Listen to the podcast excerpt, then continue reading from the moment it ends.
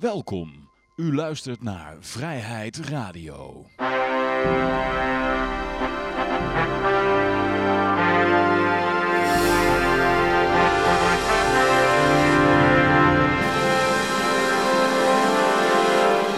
Ja, dames en heren, jongens en meisjes, uh, welkom bij uh, Vrijheid Radio. Leuk dat u luistert. We zitten op dit moment in Café Libertaria met uh, Peter en Henk. En we hebben helemaal, hij, helemaal aan het eind hebben we nog Yoshi. En mijn naam is Johan. We beginnen traditioneel met de goud, zilver, bitcoins en de staatsschuldmeter. En laten we even beginnen met, met de marijuana-index. En die staat op dit moment op uh, 281.43. En ik heb er geen grafiekje bij, helaas. maar in ieder geval alleen de stand. Dan gaan we even naar uh, de bitcoin toe. Daar heb ik wel een grafiekje van. Die staat, uh, ieder geval ik volg hier aan bitcoinspot.nl. Daar is hij al uh, lang over de 5000 heen. Vorige week kroop hij er al overheen. hij is nu op, even kijken, 5261. Ik heb ook verkocht voor boven de 5000. 5000 okay. Dus ja, je verwacht dat hij nog naar beneden kukelt. Ja, ik, ik dacht van nou, die 6000 dollar zal die nog even tegenaan hikken en dan kan ik het goedkoper terugkopen. Maar ja, je weet het nooit. Het, gaat, het wil niet erg vandaag gaan, valt mij op. Ja, je, Yoshi, die weet ik wel, die heeft er nog een theorie over, maar dat horen we aan het einde van de uitzending. dat gaat zeker weer over uh, Tether. ja, ja, ja, want we gaan in, uh, ook in een... Um, dat kan je wel vaststellen, want dat is uh, inderdaad al big nieuws uh, bij de crypto wereld. Uh, ze gaan met een token kopen en dat waarschijnlijk zal Yoshi een theorie hebben dat die token bedoeld is om weer dat geld van dat Tether-schandaal weer mee af te lossen, zeg maar. Mm. Dus ja, ja, doen we gelijk even goud en de olie. Goud is 1282 dollar. Dus we zitten nog steeds weer onder de 1300 is het teruggezakt. En en olie, de Amerikaanse WTI tenminste, die doet uh, 61,91. Dus ook wel, wel terug, teruggezakt. En ja, de beurzen zijn ook wat gedaald de afgelopen dagen. Nadat het uh, Chinese handelsakkoord door het toilet lijkt te zijn gespoeld. Oké, ja. De fertility index. Uh, ja, het zijn natuurlijk altijd fluctuerende dagen. Zo in het voorjaar uh, het aantal liters verschoten zaad per geboren kind. Mensen krijgen uh, wat weer moed. En dan komt zeg maar... daar komt zeg maar dodenherdenking en dan voelen mensen wat zinloosheid. Hè? Dus dan wordt er wat meer gemorst. En met bevrijdingsdag, nou, dan denken mensen, nou, alles kan maar. Dus nou, dan klotst het helemaal over de plinten heen. Maar uh, het uh, normaliseert uh, nu alweer. Dus de golvende beweging. Oké. Okay. Ja. Oké, okay, goed. Ja, nou, dan gaan we naar de, de staatsschuldmeter. Die is, ja, het daalt nog steeds. Ehm, er staat nog steeds op 400 miljard, maar achter het kommaatje zien we 147 en daarna nog een kommaatje met 950. Dat is dus nu 949, 48, 47. Ja, hij daalt. Goed, um, gaan we naar nieuwsberichten toe. We beginnen echt met een oproep. En die oproep is, wilt u pennenvrienden worden met Julian Assange? Want dat kan. Dus uh, ja, ik heb hier een berichtje, daar kan je, het adres van de gevangenis waar hij zit. En dan kun je met hem schrijven. Ik zal het op de website zetten. En uh, mijn idee is van, nou ja, als je misschien een beetje verlegen bent en je durft zelf niet in een pen te klimmen. Uh, of je bent meer van het e-mailen. Nou, dan kunnen we, kan je het ook zo doen. Stuur je vraag naar Vrijheid Radio. En dan gaan wij uh, ja, die aan Julian Astans stellen. Ja. ja, er stond wel bij short personal notes only. Include an action you have taken to project, protect Julian. Click for examples. Oké, oké. En uh, je moet naar de bovenstaande adres, you must include Julian's date of birth. Die moet je erop zetten. Oké. Okay. Nog een aantal dingen. Je moet include your first and last name and address on the back of the envelope or else the letter will be not be delivered. Oké, okay, nou als ik het even op mijn naam doen. Ja. Ja, het is een actie van de moeder. Ja. Ja, en er staat ook nog, uh, doe er een uh, blanco papier bij in een envelop met postzegels. Zodat hij weer terug kan sturen of zo. Alle brieven zullen gelezen worden door Belmars and Security.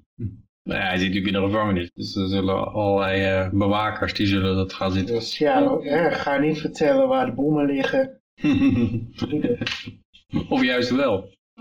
Ik denk als, want hij vraagt om een actie hè, die ik ondernomen heb, die ga ik dan nog doen. En ik ga dan op de, onze website uh, QR-code van het uh, Bitcoin-adres uh, weergeven met daarboven donate, doet Julian Assange. Dan zelf ook een duit in het zakje doen. Ja, dan kun je als luisteraar kun je daar wat bitcoins naartoe sturen.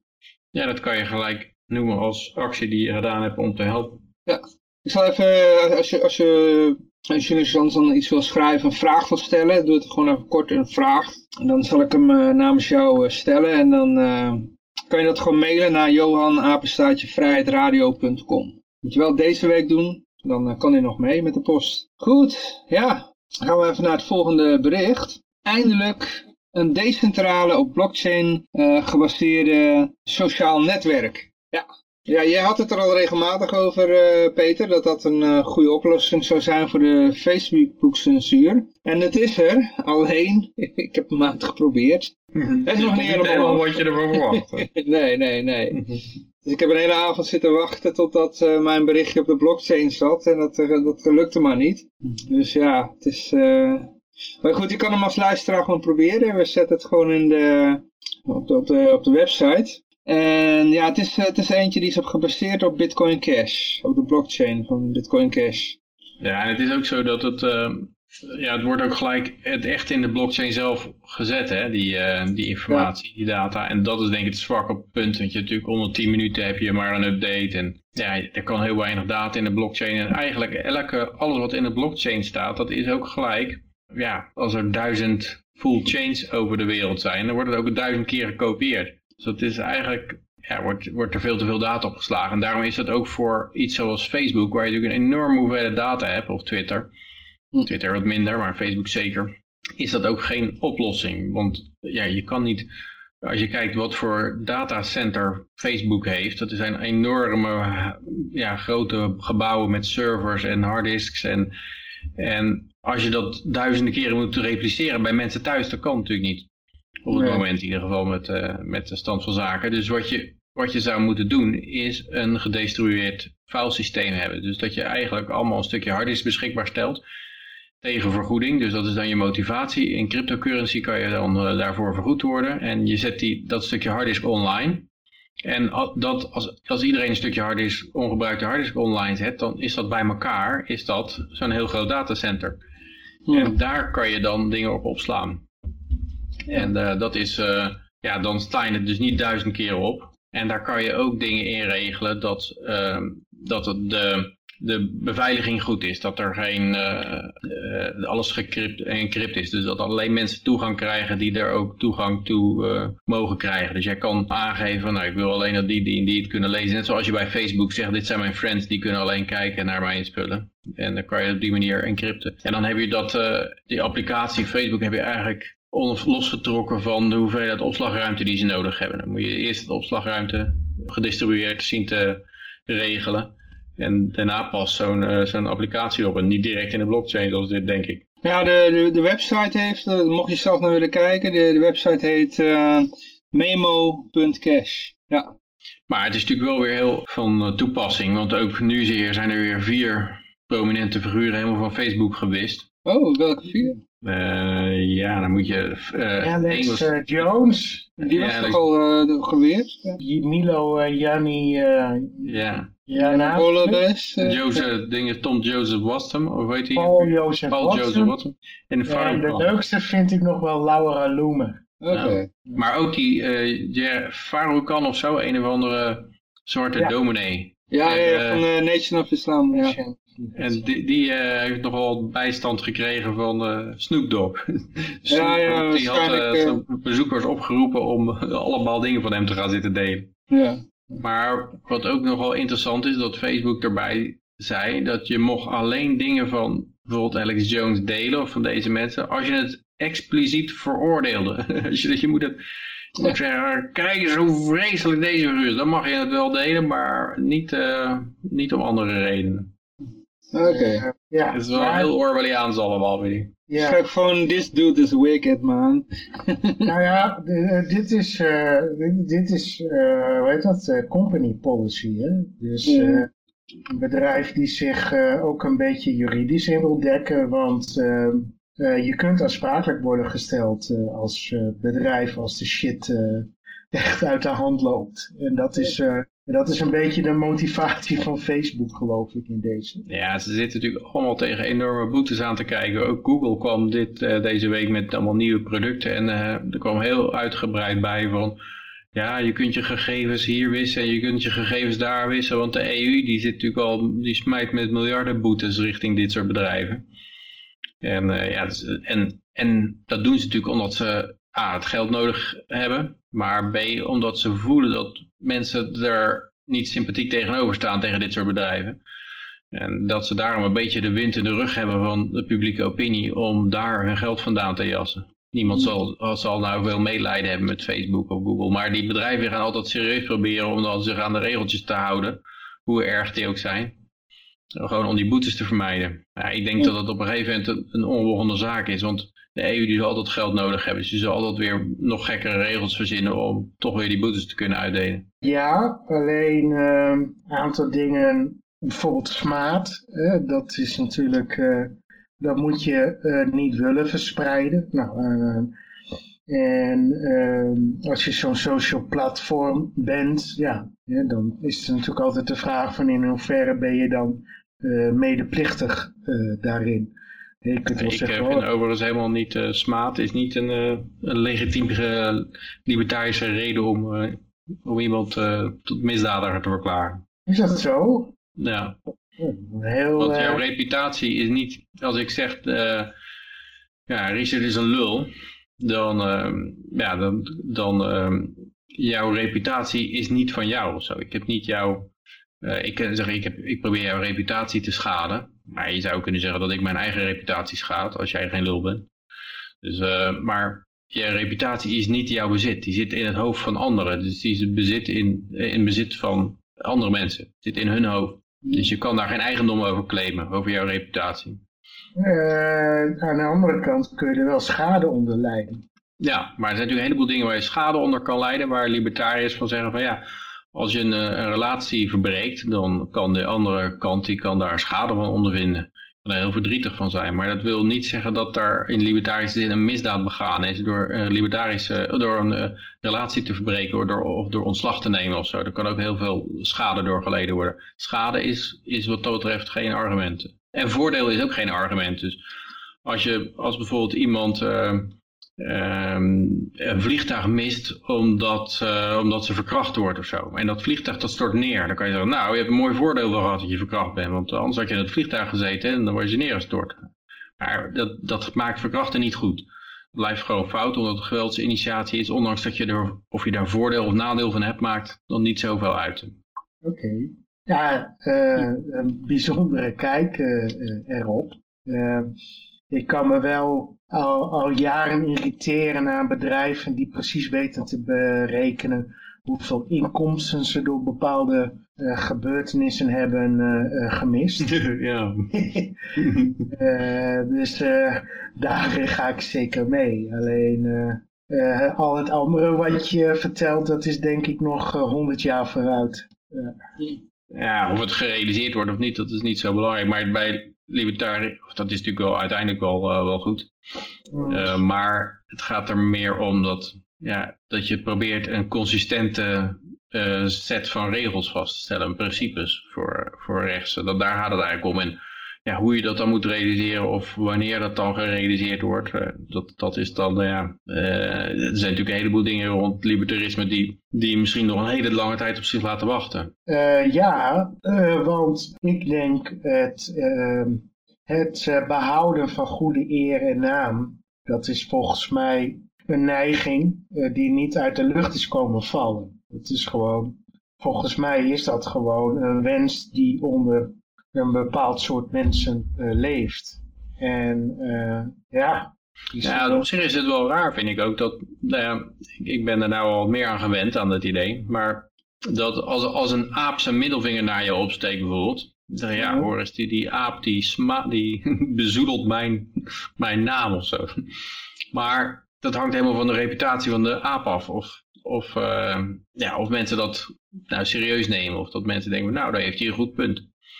Dus eh, wie er nou precies benadeeld wordt als één iemand een ander iemand voor lul uitmaakt, dat is nog maar de vraag. Ik denk dat het, kan zijn van dat een hele mensen denken van ja, eh, die noemt iedereen een lul. Dus dat, dat, eh, dat zegt helemaal niks. Dat is hij weer. Dus ja, ik vind het nooit zo duidelijk als er mensen wat slechts over iemand anders zeggen, wie er nou benadeeld wordt. Nou, ineens schiet mij dan het voorbeeld van eh, ehm, Marcel van Dam te binnen, die voor een reportage een aantal colaflessen liet uh, ontploffen. Ben ik te horen? Ja, kijk naar Klaas. Klaas. Hallo Henk zit- mensen. Ah, hoi Klaas. Henk eh, wil heel even zijn dingetje afmaken, zijn Ja. punt. die een aantal uh, kolenflessen eh, eh, liet ontploffen.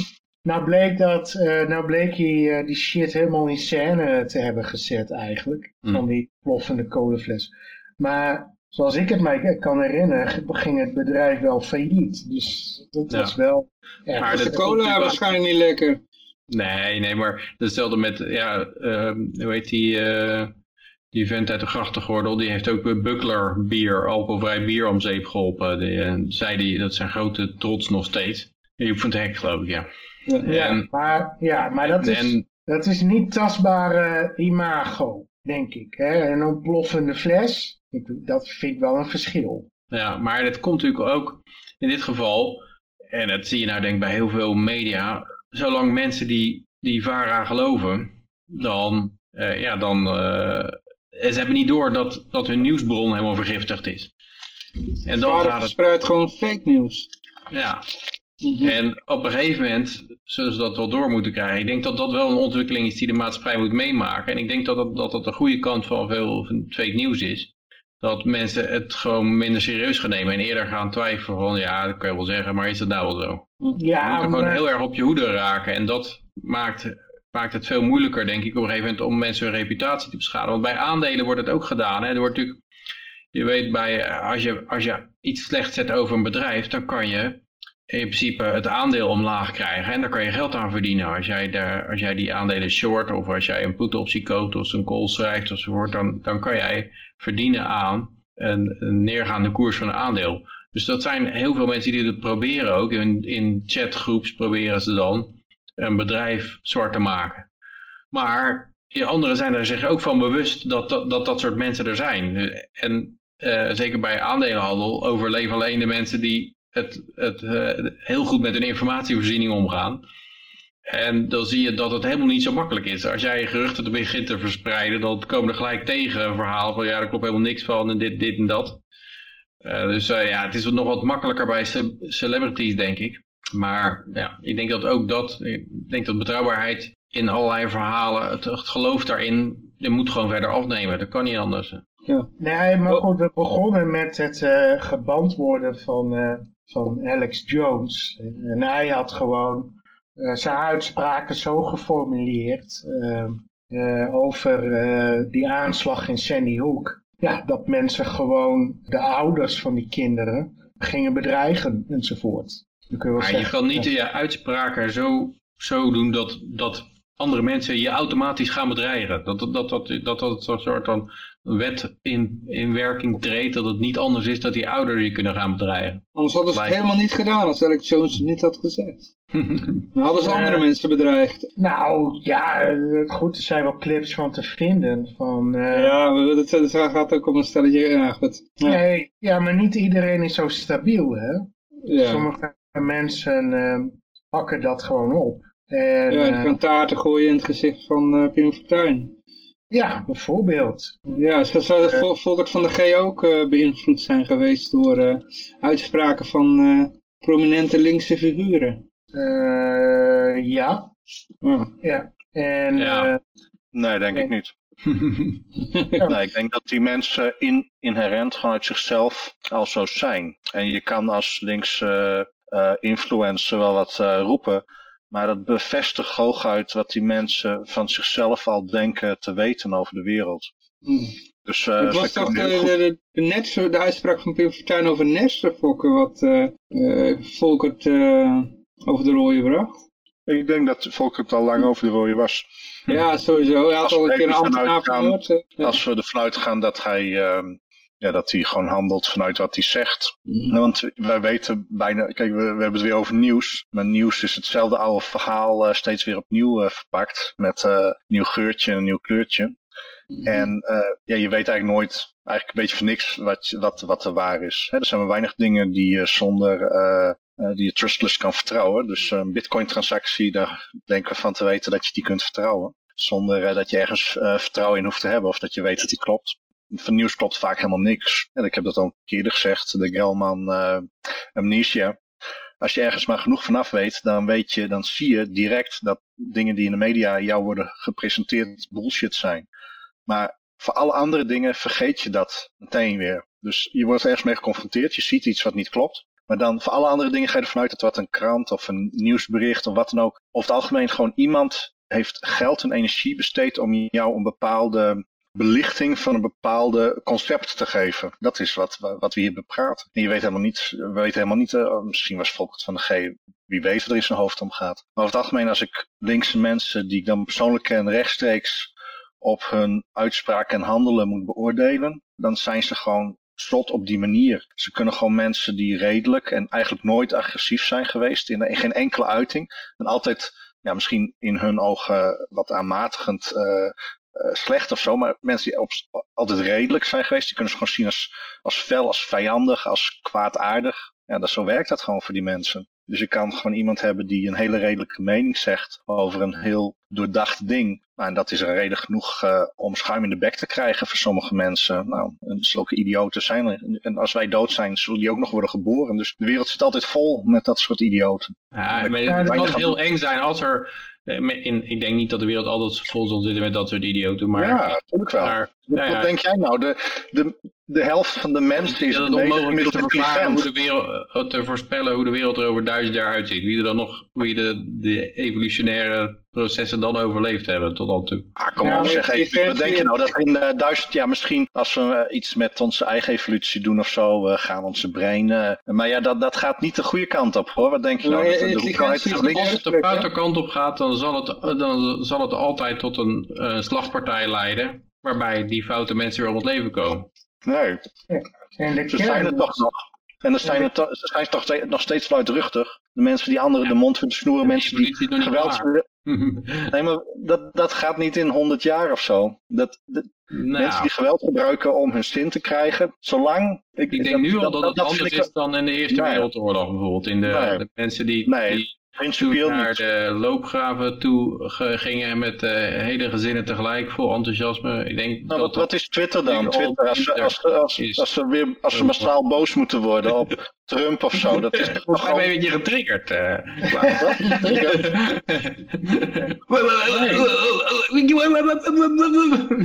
Er is toch, nee, maar dat, dat slaat nergens op. Er, wat, wat voor reden is er om aan te nemen dat eh, dat, dat gaat veranderen? Je Ja, dat van te leggen, maar ik evolutie. geloof niet dat het Nee, eh, maar dat dat- je bent. Nee, zeg het maar. Ja, Hoe gaat het veranderen in kort, in 100 jaar? De kern waardoor eh, shit eh, altijd uit de hand loopt in het menselijk gedrag. Dus denk ik niet zozeer op zich de nieuwsvoorziening aan zich, maar het is dat mensen zichzelf eh, rechtvaardigen om eh, een ander mens iets aan te doen. En, en dat komt altijd terug. Of je nou, nou kijkt naar de Tweede Wereldoorlog of eh, iemand die Pim Fortuyn een taart in het, eh, in het gezicht doet en zelfs eh, met Dat die was zijn Tommy beste ervaring nog, die taart. Hè? Sorry? Dat was zijn beste ervaring nog, die taart. Ja, al zat er wel stront in, geloof ik. Ja. Maar ja, het gaat dus een proces van zelfrechtvaardiging eraan aan vooraf. En dat kan, zijn, en dat kan wel gevoed worden. Hè? Dus iemand, en want eh, na Pim Fortuyn eh, werd wel het eh, concept demoniseren gebruikt. En ja, in wezen kunnen we dat twintig jaar later nog steeds niet meer heel mee goed uit de voeten. Want kritiek ligt soms nog heel erg gevoelig. Nee, ik denk dat het juist andersom is. Ik denk dat als je niet demoniseert, zeg voor dat alle media heel gedwee en heel relaxed berichten over hoe die mensen denken, dan zou er misschien nog een grotere urgentie ontstaan bij die idioten. En zouden nog meer moorden worden gepleegd. juist doordat mensen dit soort uh, mensen eigenlijk heel redelijk en niks kwaads doen, demoniseren, gaan er misschien een paar terug in de schuld denken, oh ja, de hele wereld ziet al dat het fout is. Als we, als we er alleen maar nuchter en neutraal over deden in berichtgeving, dan zouden er grote urgentie dus helemaal gek worden. Ze zeggen, oh de hele wereld is gek. Het is nog belangrijker dat ik iets doe, denk ik. Nee, ik denk dat ook niet. Uh... Ja. ja, nee, je, praat je wel eens met die mensen? ja, en met die mensen die kunnen, als, als, als alles heel gedwee en rationeel gaat, dat maakt ze het kwaadst van allen. Dan, dan worden ze op de plek zelf. Volgens mij de mond snoeren, dat maakt mensen ook kwaad. Kijk, nee. ze gaan, ze gaan op Facebook zitten ranten. En dan worden ze van Facebook afgegooid. En dan worden ze echt pisnijdig. Want dan kunnen ze hun eigen weer kwijt. Nee, nee, dat, is gewoon, nee, dat is gewoon drama. Dat Mensen draaien door als ze niet worden gehoord. Als ze denken dat de wereld hun niet hoort, dan draaien ze nou door. Ja, dat als je ze, nee, als je ze de mond snoert, dan denken ze, oh, ik word in ieder geval gehoord. Want ik word Jij bent mij de mond aan het snoeren, geloof ik. Nee. nee, je, nee, nee, nee, nee, Nee, er zit wel een Volgens mij moet er hier een joint gerookt worden. Ja, er zit dus wel een verschil hè, dus, uh, tussen de emotie hè, of echt het drama opzoeken. Ik bedoel, uh, van die mensen die helemaal in een mattelaas uh, rol schieten omdat ze dan weer ergens van afgeschopt worden. Ja, dat, dat komt bij mij altijd vrij ingecalculeerd over. Maar we hadden het oorspronkelijk over het decentrale blockchain alternatief voor Facebook, memo.cash. Ik ben inmiddels weer gaan posten en nu ging het wel, had ik wel immediate confirmation. Dus uh, ja, toen het gisteren probeerde was het inderdaad, uh, gebeurde er niks. Maar ja, het is uh, nu wel gelukt. Ja, dus ik heb het een en ander gepost. Ik heb Hallo Wereld gepost en de laatste URL van de meest recente Vrijheid Radio uitzending. Gelijk gearresteerd. ja, ja, ja. ja, Hate speech. ja. Maar ik, ik, ik heet Vrijheid Radio. Ja, gewoon Vrijheid Radio heet ik op mail.cash. Dus ja, ik zou zeggen, probeer het eens uit. Ja, maar we kunnen hier nog heel lang over doorhouden hoe we uh, het net over hadden. Ik, ik, misschien wil je nog een uh, ei kwijt, maar nee. we hebben ook een hele berg bericht, berichten. Dus uh, zullen we daar maar aan beginnen, voordat ja, we elkaar in de haren vliegen? van, er zitten nog wat haken en ogen. ja, we hebben in ieder geval allemaal een andere mening over. Oké, okay, um, het volgende bericht was, ah, er wordt weer wat gesloten. Uh, eh, FBI haalt uh, nieuwssite uh, deep.web offline vanwege URL's naar het dark web. Ja. ik vond het wel weer, weer vergaand. Er wordt gezegd van uh, dit deep.web, dat was een website waarop informatie over het dark web te vinden was. Ja, Via de site werden gebruikers doorverwezen naar websites en marktplaatsen op het dark web. Dus dat is een link. Er staan links naar uh, andere sites. Ja. En uh, nu hebben ze die, die in, in Duitsland, Frankrijk en Israël zijn verdachten aangehouden. Volgens TechCrunch, en dan wordt er heel erg benadrukt dat er allemaal samenwerking was. Dus de Amerikaanse FBI en de Nederlandse politie en de Duitse en Braziliaanse autoriteiten. Dat geeft dan aan dat het, ja, als, als ze allemaal samenwerken, dan moet het wel hele vreselijke mensen zijn. Maar die hebben dus een website gemaakt met wat links erop. Ja, en uh, Deep.web zou miljoenen dollars hebben verdiend aan het aanbieden van die links. Oké, ja, ja, de aanbieder van links kan enorm veel geld aan verdienen. Maar ja, als je Google er staat het reclame op, maar ik bedoel, ik weet niet hoeveel, hoeveel mensen zouden op de reclame hebben geklikt. Uh, ja, jij hebt ook een website met reclame geloof ik. weet niet of jij Ja, ik, ik ben er geen cent aan. Ik, wat ik ook apart vind, er staat er, zou miljoenen dollars hebben verdiend aan het aanbieden van links, bla bla bla bla. Het is niet duidelijk om welk bedrag het precies gaat. Het is gewoon in dezelfde alinea staat er. Soms hoef je niet eens te, ja, dan hoef je niet naar de bron te kijken of zo, of het iets betrouwbaar is. Nee, als er in één alinea gewoon twee tegenstrijdige dingen staan, dan zou het wel, uh, wel eens niet kunnen kloppen. En dat staat de afgelopen weken na Europese autoriteit. helemaal niet. Dat is net mijn eerdere punt. Heel veel media waar je wordt blootgesteld, klopt helemaal niks van. We, we praten erover alsof er een, ergens een kloppende waarheid achter zit, maar dat is waarschijnlijk helemaal niet waar.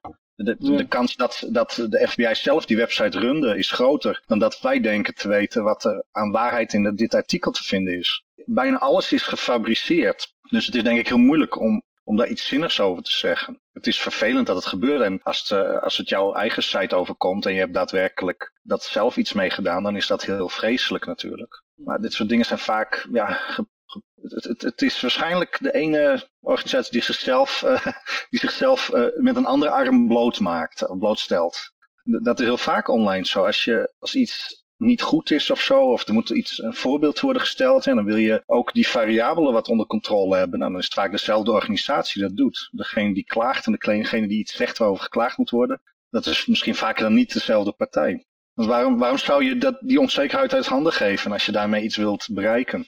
Mensen zin hebben om, om hiermee iets te communiceren, om hier waarde aan te hechten. Dat, ding, dat dit moet mogen, dat je dingen moet verbieden.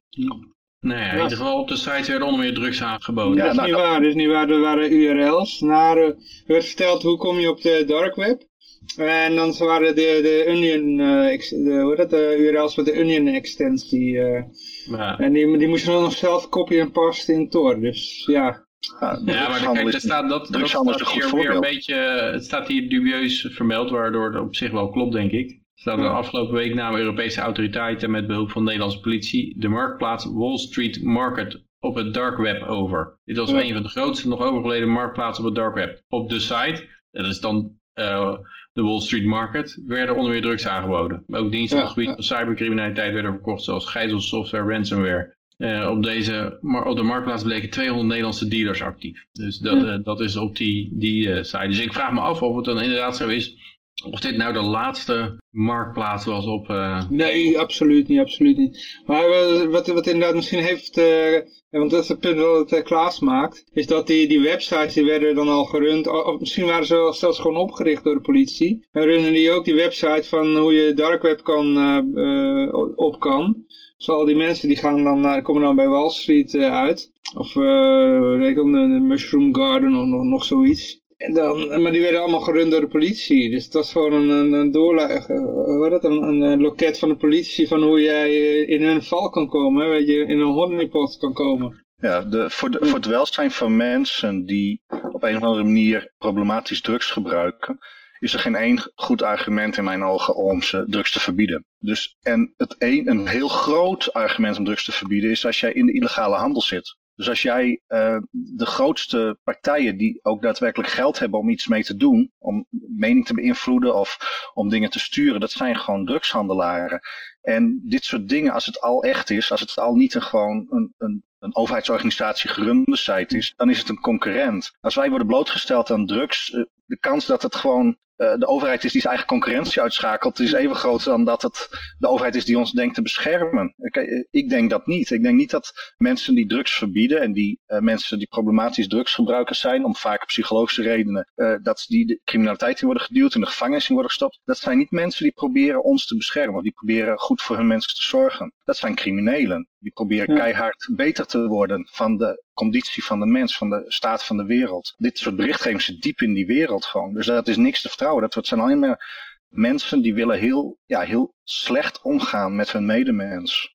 Ja. En dat, die zitten grotendeels waarschijnlijk in de overheid. Want dat is de beste manier om heel rijk te worden en heel veel eigen voordeel te claimen.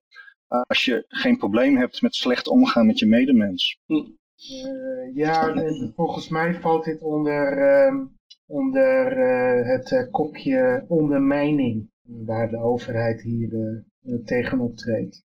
Volgens wordt dat, zal dat wel steeds een grotere onderwerp Wordt het door een zelf gecreëerde ondermijning dan? ja. ja, ze ondermijnen hun concurrentie. Ja. ja. het was toch wel, dat we niet vorige week behandeld, zo'n bericht dat, dat de politie die drugs aanboden uh, in, in, uh, opgerold werden door politie die drugs probeerden te kopen. Het waren, het waren twee politieclubs. Waar de ene deden zich als voorkoper, verkopers voor, de andere als aankoper. Uh, ja, er was een bericht dat inderdaad, die had de uitzending niet gehaald omdat het bleek een oud bericht te zijn. Nou, oké. Okay, ja. ja, en inderdaad was een, ja, twee jaar, ja, het was inderdaad zoiets, ja. Nou, dat kom je wel vaker tegen hoor, maar ook dat politie zelf die drugs gewoon doorverkoopt. Het uh, zat voorbeelden van in de media te vinden.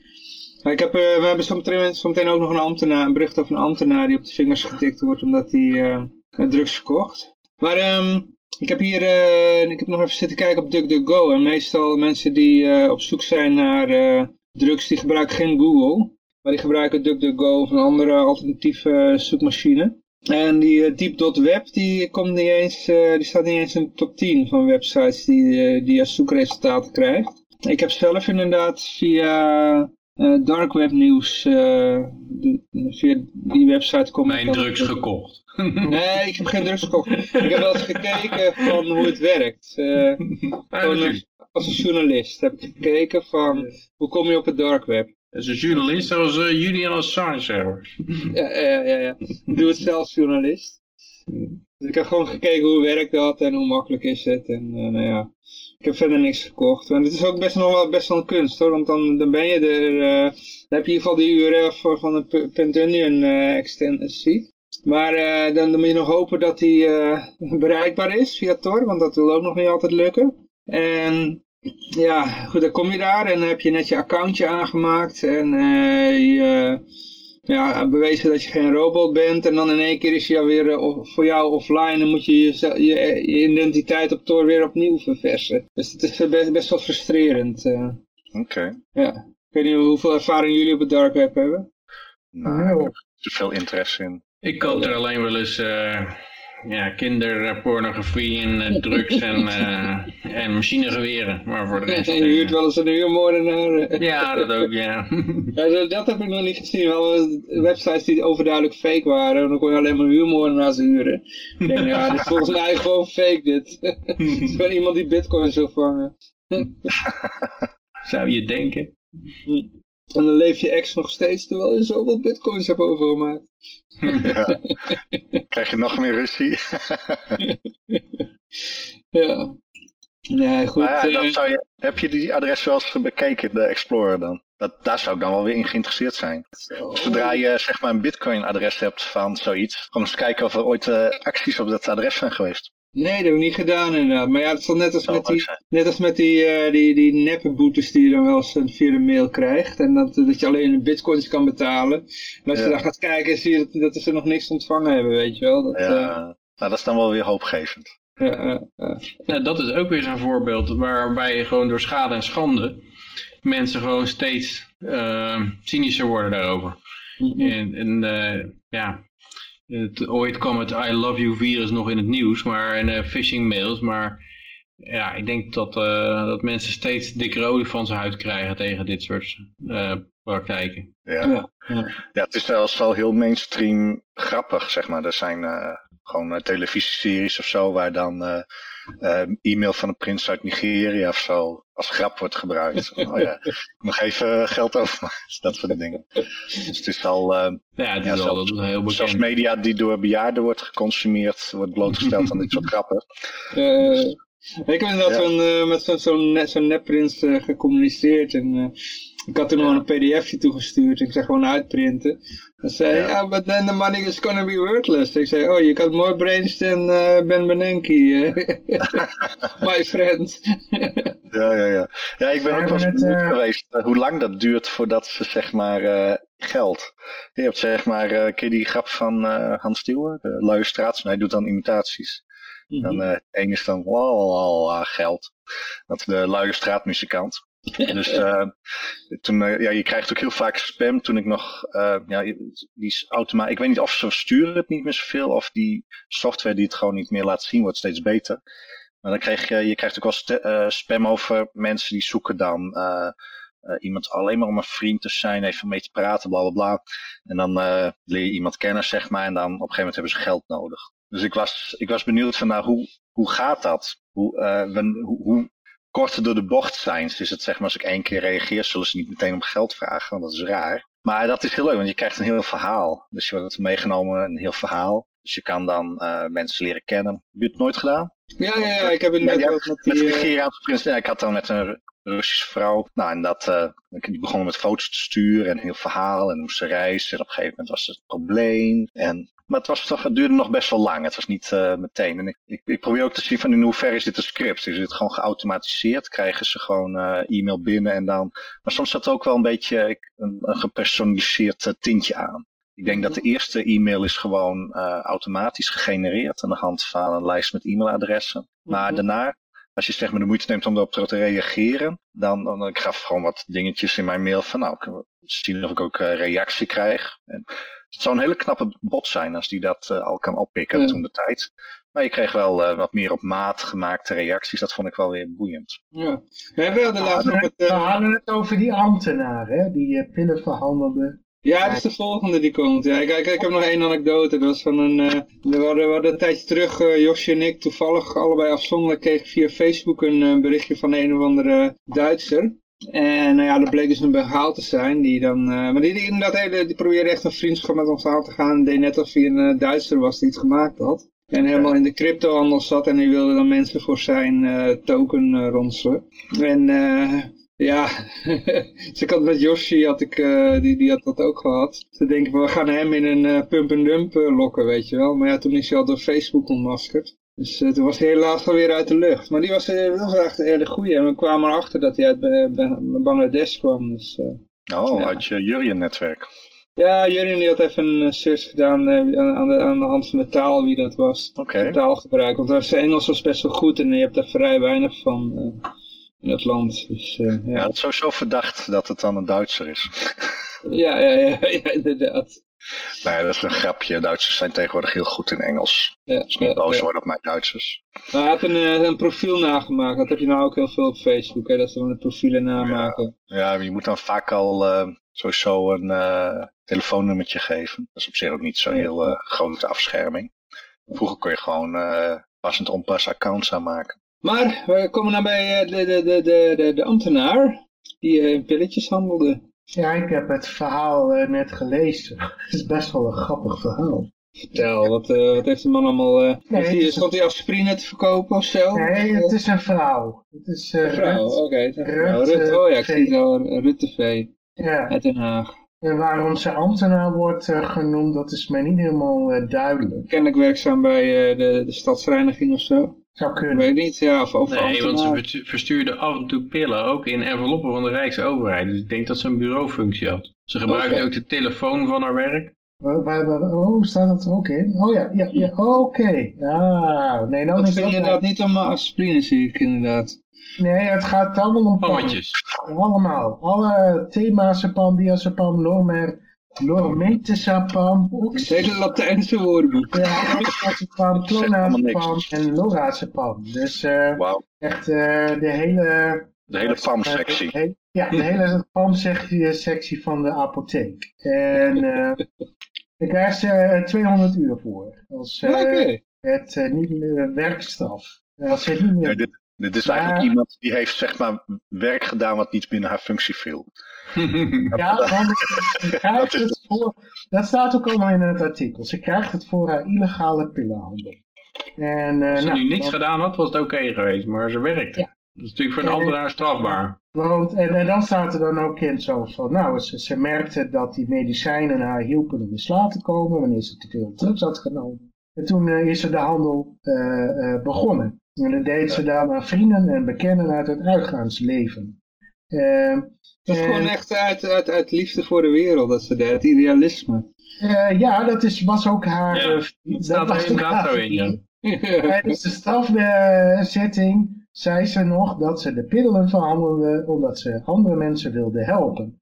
Maar de, Ja, dat is rechter, ook zo, dat klopt. Ja. eh. maar de rechter dacht er anders over. eh, want, eh, eh, Dat had haar, ad- haar advocaat haar ingefluisterd. dat te zeggen. Eh, Ja, ja, dat kan ook best zo zijn natuurlijk. dus ze eh, pakte de verkoop heel eh, zakelijk aan. Nou, eh, de enveloppen van de Rijksoverheid eh, werd eh, ze net al genoemd. Eh, en ze bracht, en dat vind ik wel een grappig argument, de volksgezondheid in gevaar. Hm? ja, Ja. Dus eh, volgens de rechter. volgens de rechten, ja. Omdat ze Die heeft de, verstand van? Ja, het Ja, is een gezondheidsspecialist. Ja. Ja. Maar het, de, grootste vraagteken heb ik eh, bij dit artikel van in twee- augustus 2017 werd de handel opgerold door agenten in haar woning een plastic tas vol doosjes en strippen met honderden pillen vonden. Dus eh, ze kan er klaarblijkelijk gewoon aan komen. eh, ja, dat vind ik dan weer knap. ja, alleen je mag het dus niet verkopen. Dat mag dus alleen maar de apotheker.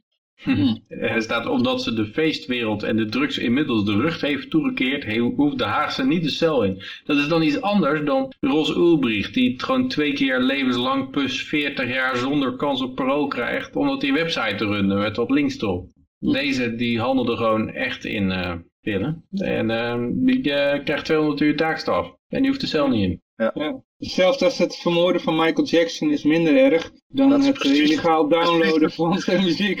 Ja, precies het voorbeeld waar ik ook meteen aan moest denken. Wat? Nog eens een keer, het vermoorden van. Michael Jackson is minder Ja, erg dan? Ja, de dokter die hem zeg maar eh, drugs, bepaalde drugs heeft toegediend, Die wilde hem Die helpen. ook die doen. dokter? Die- ja, die hem wilde helpen, ja, die heeft een eh, lagere gevangenisstraf gekregen dan sommige mensen die zijn muziek hebben gedownload. Ja. En, en weer opnieuw hebben blootgesteld aan het eh, downloadnetwerk. Ja. Eh, Het ja. rechtssysteem even in de notendop. Ja, ja, het is heel eh, lastig om eh, de strafmaat eh, te bepalen. En soms, eh, ja, en, en dat soort straffen van de downloaden, dat is natuurlijk eh naar aanleiding van heel veel gelobby eh, gebeurd. Maar eh, ja, we, hebben nog meer berichten liggen. Hmm, ik heb hier nog een eh, illegaal eh, zebrapad. Stelt Veenendaal voor een raadsel. Veenendaal is geen entiteit natuurlijk. Het gaat dan om de gemeenteraad, denk ik. Ja. een paar Veenendaal al, de Ja. stad Veenendaal al, heel verbazingwekkend kijken. Ja, dat het schokkende daarin is dat ze het ook verwijderen en dat het heel duur is. Ja. Zodat eh, Ze, de ze gemeente... willen er überhaupt wel iets gaan aanleggen daar, maar dat duurt, ja je weet hoe de gemeente is, dat duurt natuurlijk weer jaren. Ja, maar de verloop, de verloop van zaken is wel interessant. Want eh, de gemeente Veendaal zit in haar maag. Dus eh, naast verbazing heeft de, de gemeente ook een maag. En eh er zit een illegaal zebrapad in. En dat werd twee weken, geleden ontdekt. En de strepen zijn niet in opdracht van de gemeente aangebracht. Je ziet de paniek zie je toetreden. Welke hobbyschilder is enthousiast met witte verf aan de slag is gegaan in de Tuinstraat? Schreef de gemeente maandag op Facebook. Maar die vraag die bleef onbeantwoord. Dus de, heeft de gemeente aangifte gedaan.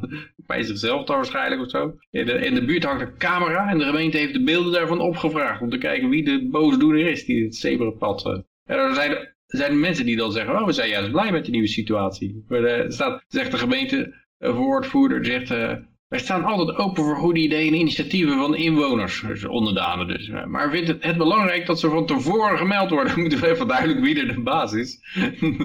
Dan kunnen we samen nadenken over de uitvoering daarvan, zegt de woordvoerder. En samen daar, daar, daar denken ze ook van. Ja, het is gewoon heel duidelijk dat, dat ze boos zijn dat, dat zij niet de leidende rol hebben hier. In de, het samen nadenken, dat is natuurlijk een, een, vorm van gelijkheid die eh, geheel geveinsd is hier. En, eh, zijn met, dit met, is- z'n- met z'n allen naar een eh, doel gaan nadenken wat eigenlijk al vaststaat door de gemeente. Ja, zij willen gewoon zeggen, wij, wij moeten in alles eh, geraadpleegd worden en, en, eh, ja, en, de, de uiterste baas zijn, baasje. Want als wij het baasje niet zijn en iemand doet zomaar op eigen initiatief wat, ja, dan, eh, vliegen wij helemaal in de stress. Ongehoorzame onderdanen, dat is bijna een soort vluchtende slaaf van een plantage. Het is een blijkbaar ludieke actie om een signaal af te geven aan ons, zegt ze. Degene die dit heeft gedaan, realiseert zich alleen niet dat dit ook kan leiden tot gevaarlijke situaties. Dus eh, de burger is in, in, in levensgevaar gebracht door een extra zebrapad op de straat. En hoge mensen denken, oh we moeten stoppen. Ja. Want er steekt, steekt een oud omaatje over. Ja. Ja, je ziet Eh, daar een verkeerssituatie, gevaarlijke verkeerssituatie. Ja, degene die dit heeft gedaan heeft namelijk niet een illegaal bord geplaatst. Dus nu, zit er alleen, nu is er alleen een straatmarkering, maar niet een bord. Hij zebrabord. Ja, hij had ook illegaal een bord moeten plaatsen, hij of zij. Of Ja. het. En komt hier een dan- zebrapad aan of zo. Ja, dat, dat, dan was het gevaar weer gereduceerd. Want nu heb je de kans dat iemand het zebrapad gebruikt, denkt dat het een echt zebrapad is. Ja, dan is er misschien een uh, autorijder die denkt, oh, het is niet een echt zebrapad, want er is niet een bord. Dan rij je gewoon over de verjaardag. ja, dan rijden we gewoon overheen. Maar dit is ook nog een mooi stukje. De gemeente wil met de aangifte duidelijk maken dat eh, andermans eigendom niet zomaar vernield mag worden. Ja, dit, dit is echt een grote kroon, uh, de, echt kerst op de taart natuurlijk. ja, dat is De overheid die over andermans eigendom Ja, gaat. overheid die briljant. oh, oh, je mag niet zomaar eigendom eh, Ja. vernielen. Het, is toch, het is toch publiek eigendom? Eh, Ja, ja, ja. Ja, maar die mensen die in de overheid zitten, die, je hebt een deel die zit daar gewoon om uh, er zelf beter van te worden. Die zijn gewoon door en door corrupt. Maar er zitten inderdaad ook mensen die denken dat ze daar voor het goed van de wereld zitten. En die Mhm. denken oprecht op deze manier. Dus die denken dat zij, uh, ja, zij waar- komen in een luisterbaan waar ze nauwelijks iets hoeven te doen. Eh, omdat dat eh, is wat de maatschappij wil. En al dat geld wat ze dan verkwisten in onze naam, dat doen ze ter grotere glorie van de mensheid. Dus die Nee, dat- geloven dit ook echt als ze dit soort zinnen zeggen. En dat is nou eenmaal zo, dat is triest, Ja. maar waar. Het, het straatje, zeg maar, die, die heeft al zeg maar diepe sporen van het zware verkeer. Zo lijkt het op de foto. Het lijkt ook niet echt een straat waar je zomaar even met 50 doorheen knalt. Dus eh, het gevaar is eh, erg overdreven. Dus dat wordt al volgens mij op zich al niet zo heel hard eh, er doorheen gereden. Ah, of misschien gaat het om hangjongeren met scooters. Van een Hmm. zekere etnische achtergrond. En wat ook bijzonder is, is dat de gemeente hoopt via de aangifte ook een goed gesprek eh, te kunnen voeren met de Oh, ja, daar moet je vertrouwen in hebben. Want eh, nou, eh, de, politie die wordt hier eh, bovenop gezet. En eh, nou, eh, het is natuurlijk ook eh, best wel zonde van tijd en, eh, en, eh, en energie, eh, geld. Eh, eh, en het, eh, en het eh, dan ook nog overspuiten van eh, natuurlijk van die straatstenen. Terwijl, ik weet niet in hoeverre Venendaal eh ermee eh, is, maar ik zit hier zelf in de wijk eh, waar de gemeente nou, echt zich probeert aan open te stellen voor dit soort ideeën. Hè? Ja, voor de overheid is dat soort participatie van de burger is ook een, een visitekaartje van de positieve kanten van de participatiesamenleving.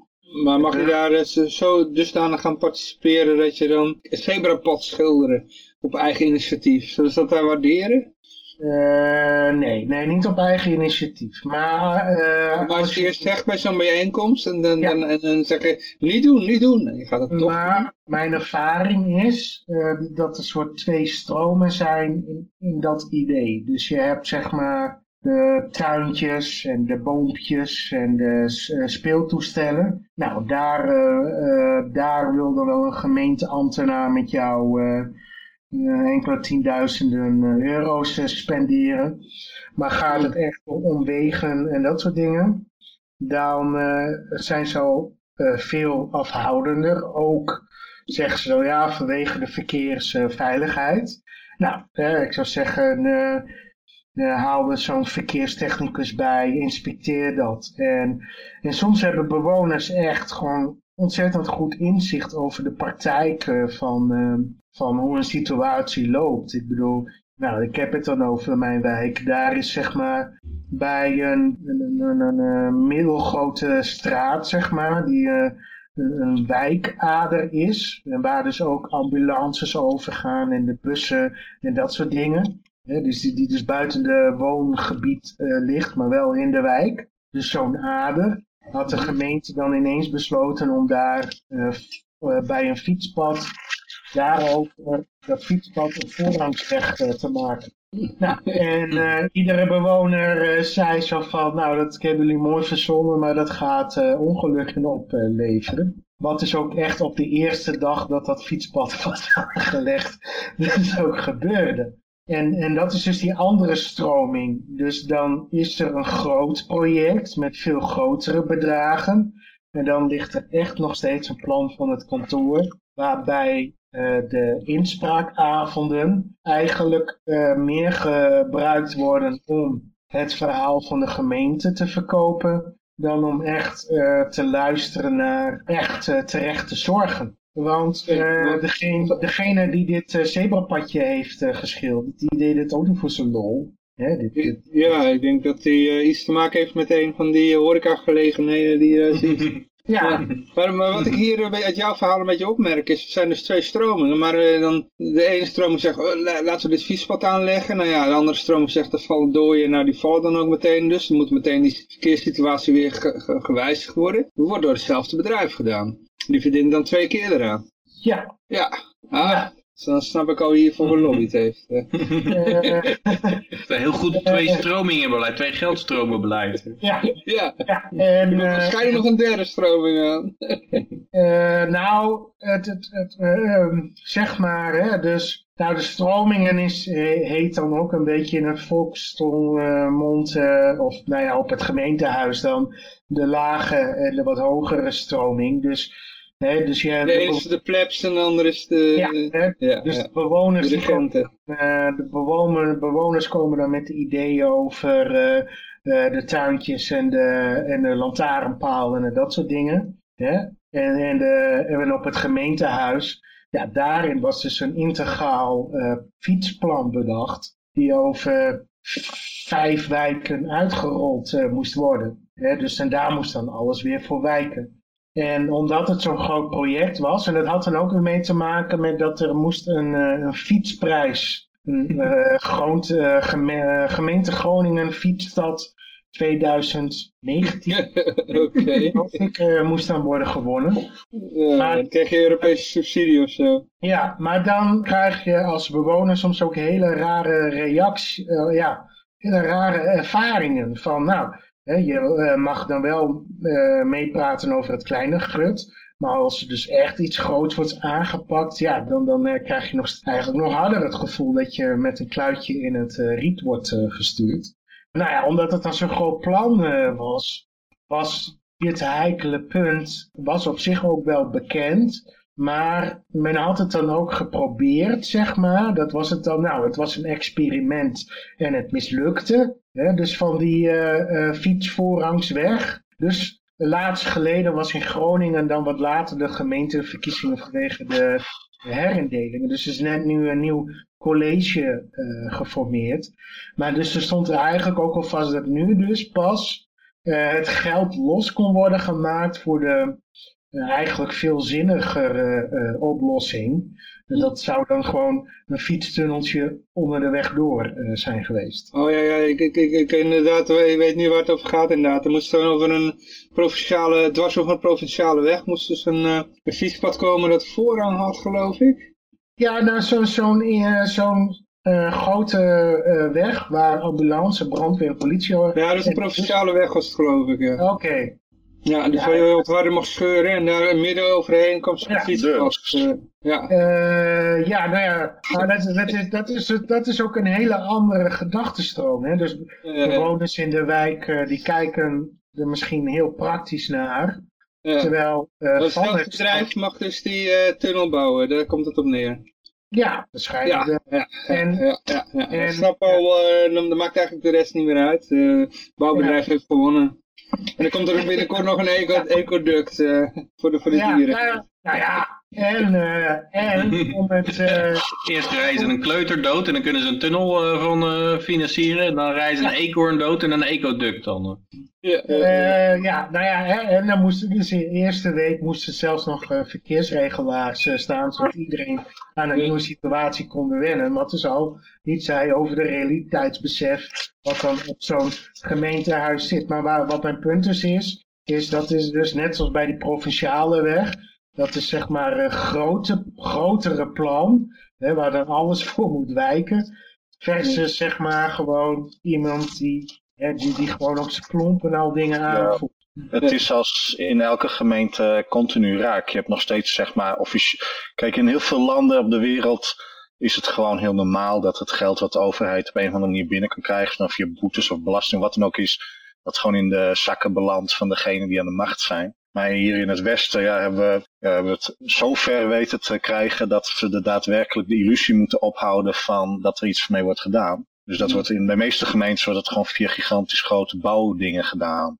Dus ik, ik heb dat ook vaak genoeg in Leeuwarden meegemaakt. En dat is denk ik in elke gemeente zo. Ik heb tenminste nog nooit, als ik ergens naartoe ging, was altijd wel een van een groot bouwproject gaande in een gemeente. Maar ook dan moest er een busbaan bij komen. Dat was dan om een verbindingsweg naar een buitengebied uh, beter te maken. Maar ja, iedereen weet gewoon dat de mensen zitten in de auto. De auto's is het probleem. Die lege bussen, ja, die kunnen net zo goed tussen die auto's staan. Maar de busbaan was dan de oplossing. Dus dat was dan een 5 miljoen project. Er moesten allemaal oude bomen aan de kant.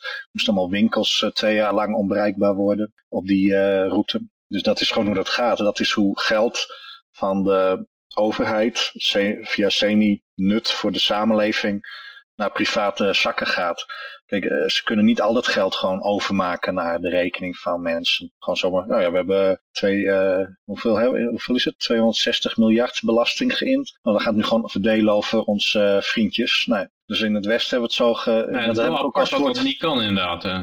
Dat, Nee, dat, dat- is dan toch een stap te ver kennelijk. Dat, dat is een stap te ver. En dat, dat heb ik ook wel eens van mensen die uit bananenrepubliek, echte bananenrepublieken komen. Die zeiden, hier doen ze er tenminste nog echt wat voor.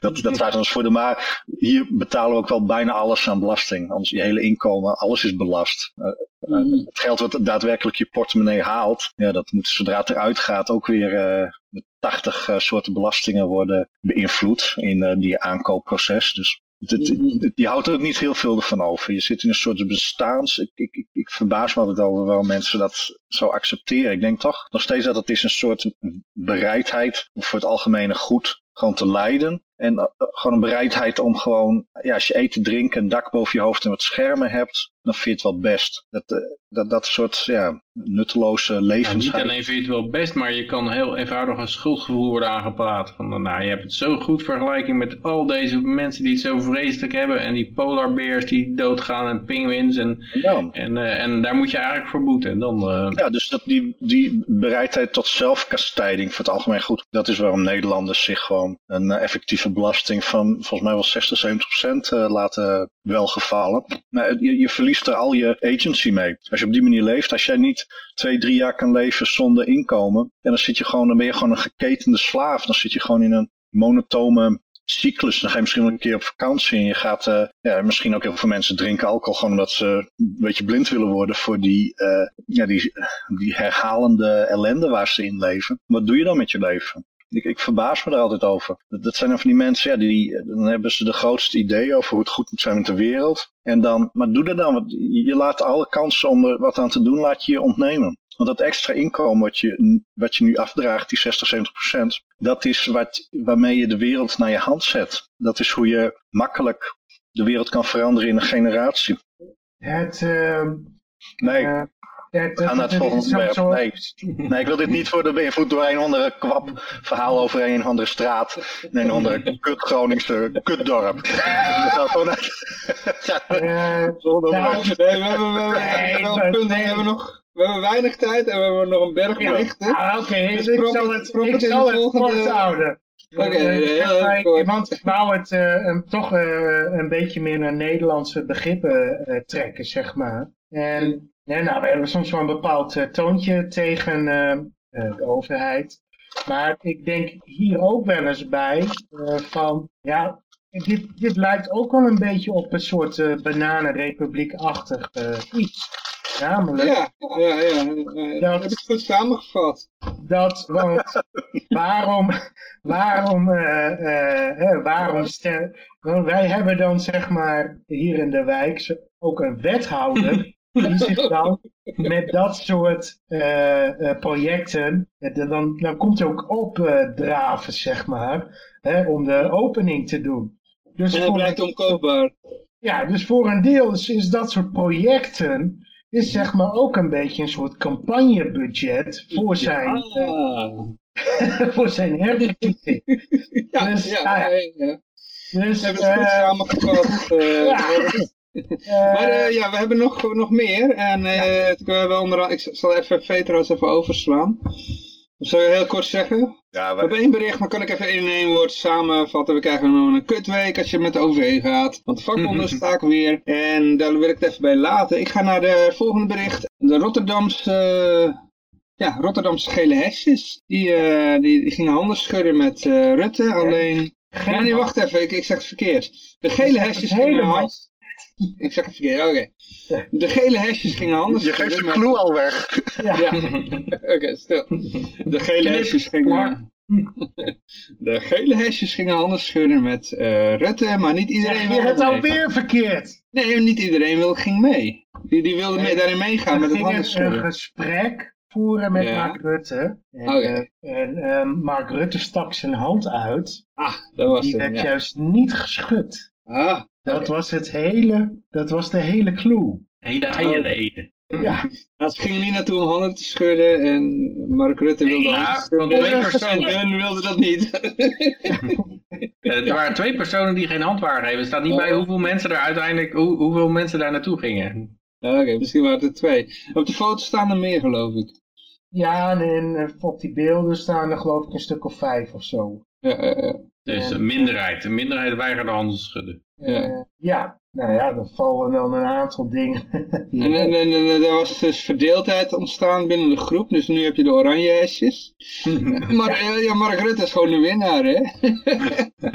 Eh, ja, Ik wil zeggen, als er twee, als er twee, als er twee niet wilden schudden en drie wel, en Mark ook, dan, dan zijn ze met z'n zes. Dan zijn er drie wel schudden en drie niet. Demonstra democratisch besloten. Vier wel, twee niet. Eh, ja, en, en zo werd er zeg maar toch nog een manier gevonden om het niet over de zaken eh, te hebben, zeg maar. Alleen nog maar over de handen. Ja, ik bedoel, het, eh, het gele hesjesbeweging eh, doet een beetje denken aan, aan, aan, wat er in Parijs rond de revolutie rondliep, zeg maar. Hoeveel jaar geleden? 230? Ja, zoiets, een tijdje terug. tijdje terug. Dus, en, en dat maakt het eh, eh, als fenomeen ook heel interessant. Dus het zijn, eh, je hebt ook eh, een aantal politieke eh, verschuivingen. Eh, men is wat eh, populistischer ook in de politiek. Op, eh, vanuit alle partijen wordt er zeg maar steeds meer populistischer eh, onzin uitgekraamd. van eh, wij en, eh, en wij zijn trots. Wij. En, Wij is Wij, onzin. wij. Het woord wij is onzin.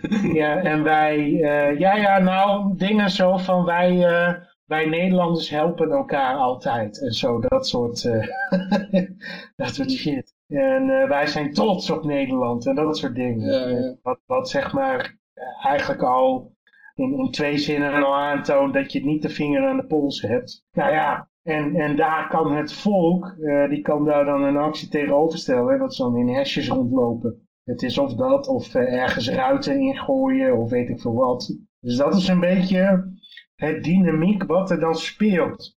en dan wordt zo'n eh, moment natuurlijk helemaal uit elkaar getrokken. Hè? Dus er zijn ook beelden daarvan. En dan, en dan wordt er natuurlijk helemaal ingezoomd op het wel of niet weigeren van die hand tijdens het schudden. Nou ja, het is ook zo makkelijk om zo'n beweging die eigenlijk geen principes heeft, alleen eh lopen onvrede, om die uit elkaar te spelen. Want nu heb je dus inderdaad eh, de Rotterdamse gele hesjes, zal voortaan in het oranje demonstreren. Zij doen het naar aanleiding van die ontmoeting, bla, waarbij de premier geen hand eh, kreeg. En, en zij omschrijven dit als Marco de Haas, voorman van de Rotterdamse gele hesjes.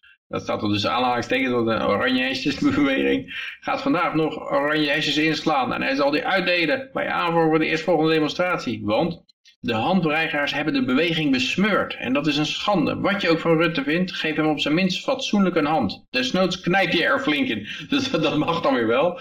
Nou, je, moet- je moet per se die hand geven, maar je, dan moet je er wel in knijpen. Of, of in knijpen mag dan wel. maar dan mag je dan heel hard in knijpen. Dat hij heel erg palm hebben. Nee, ben ik- maar ik ben het niet met hem eens. Ik vind, je mag best handen weigeren. Ja, ja, ja. Nee, je mag alleen als je moslimvrouw bent, moslima, en, eh, en je uit geloofreden geen hand van een man mag schudden, denk ik. Is de dat zo? libertariërs toch ook eh, een stroming die weigerde ambtenaren een hand te geven? Nee, ik kan me er wel bij voorstellen wel ook. Als ik, als ik John Bolton zeg maar een hand zou moeten geven, dan zou ik het ook een beetje... eh, Maar je, mocht je wel of niet tegenwoordig een, eh, je eh, bijstand worden geweigerd als je eh, wel eh, of geen hand eh, schudt? Want het, het, er was wat sprake, toch? Dat, dat werd er, balletje werd in ieder geval even opgegooid. Dus, maar dat, Maar in ieder geval wat ik wil aangeven is dat ze zijn heel makkelijk uit elkaar te spelen. Als je, als je, nou, eh, ik, ik kan mensen ook aanraden om, eh, want we, het bericht die wij dan lezen is op eh, nu.nl. Rotterdamse gele hesjes voortaan in het oranje na handweigering. Maar de reacties zijn ook, die zijn fantastisch. En die lees er een paar eh, voor. eh. ja, zo van, eh, ah, nu krijgen wij regenbooghesjes.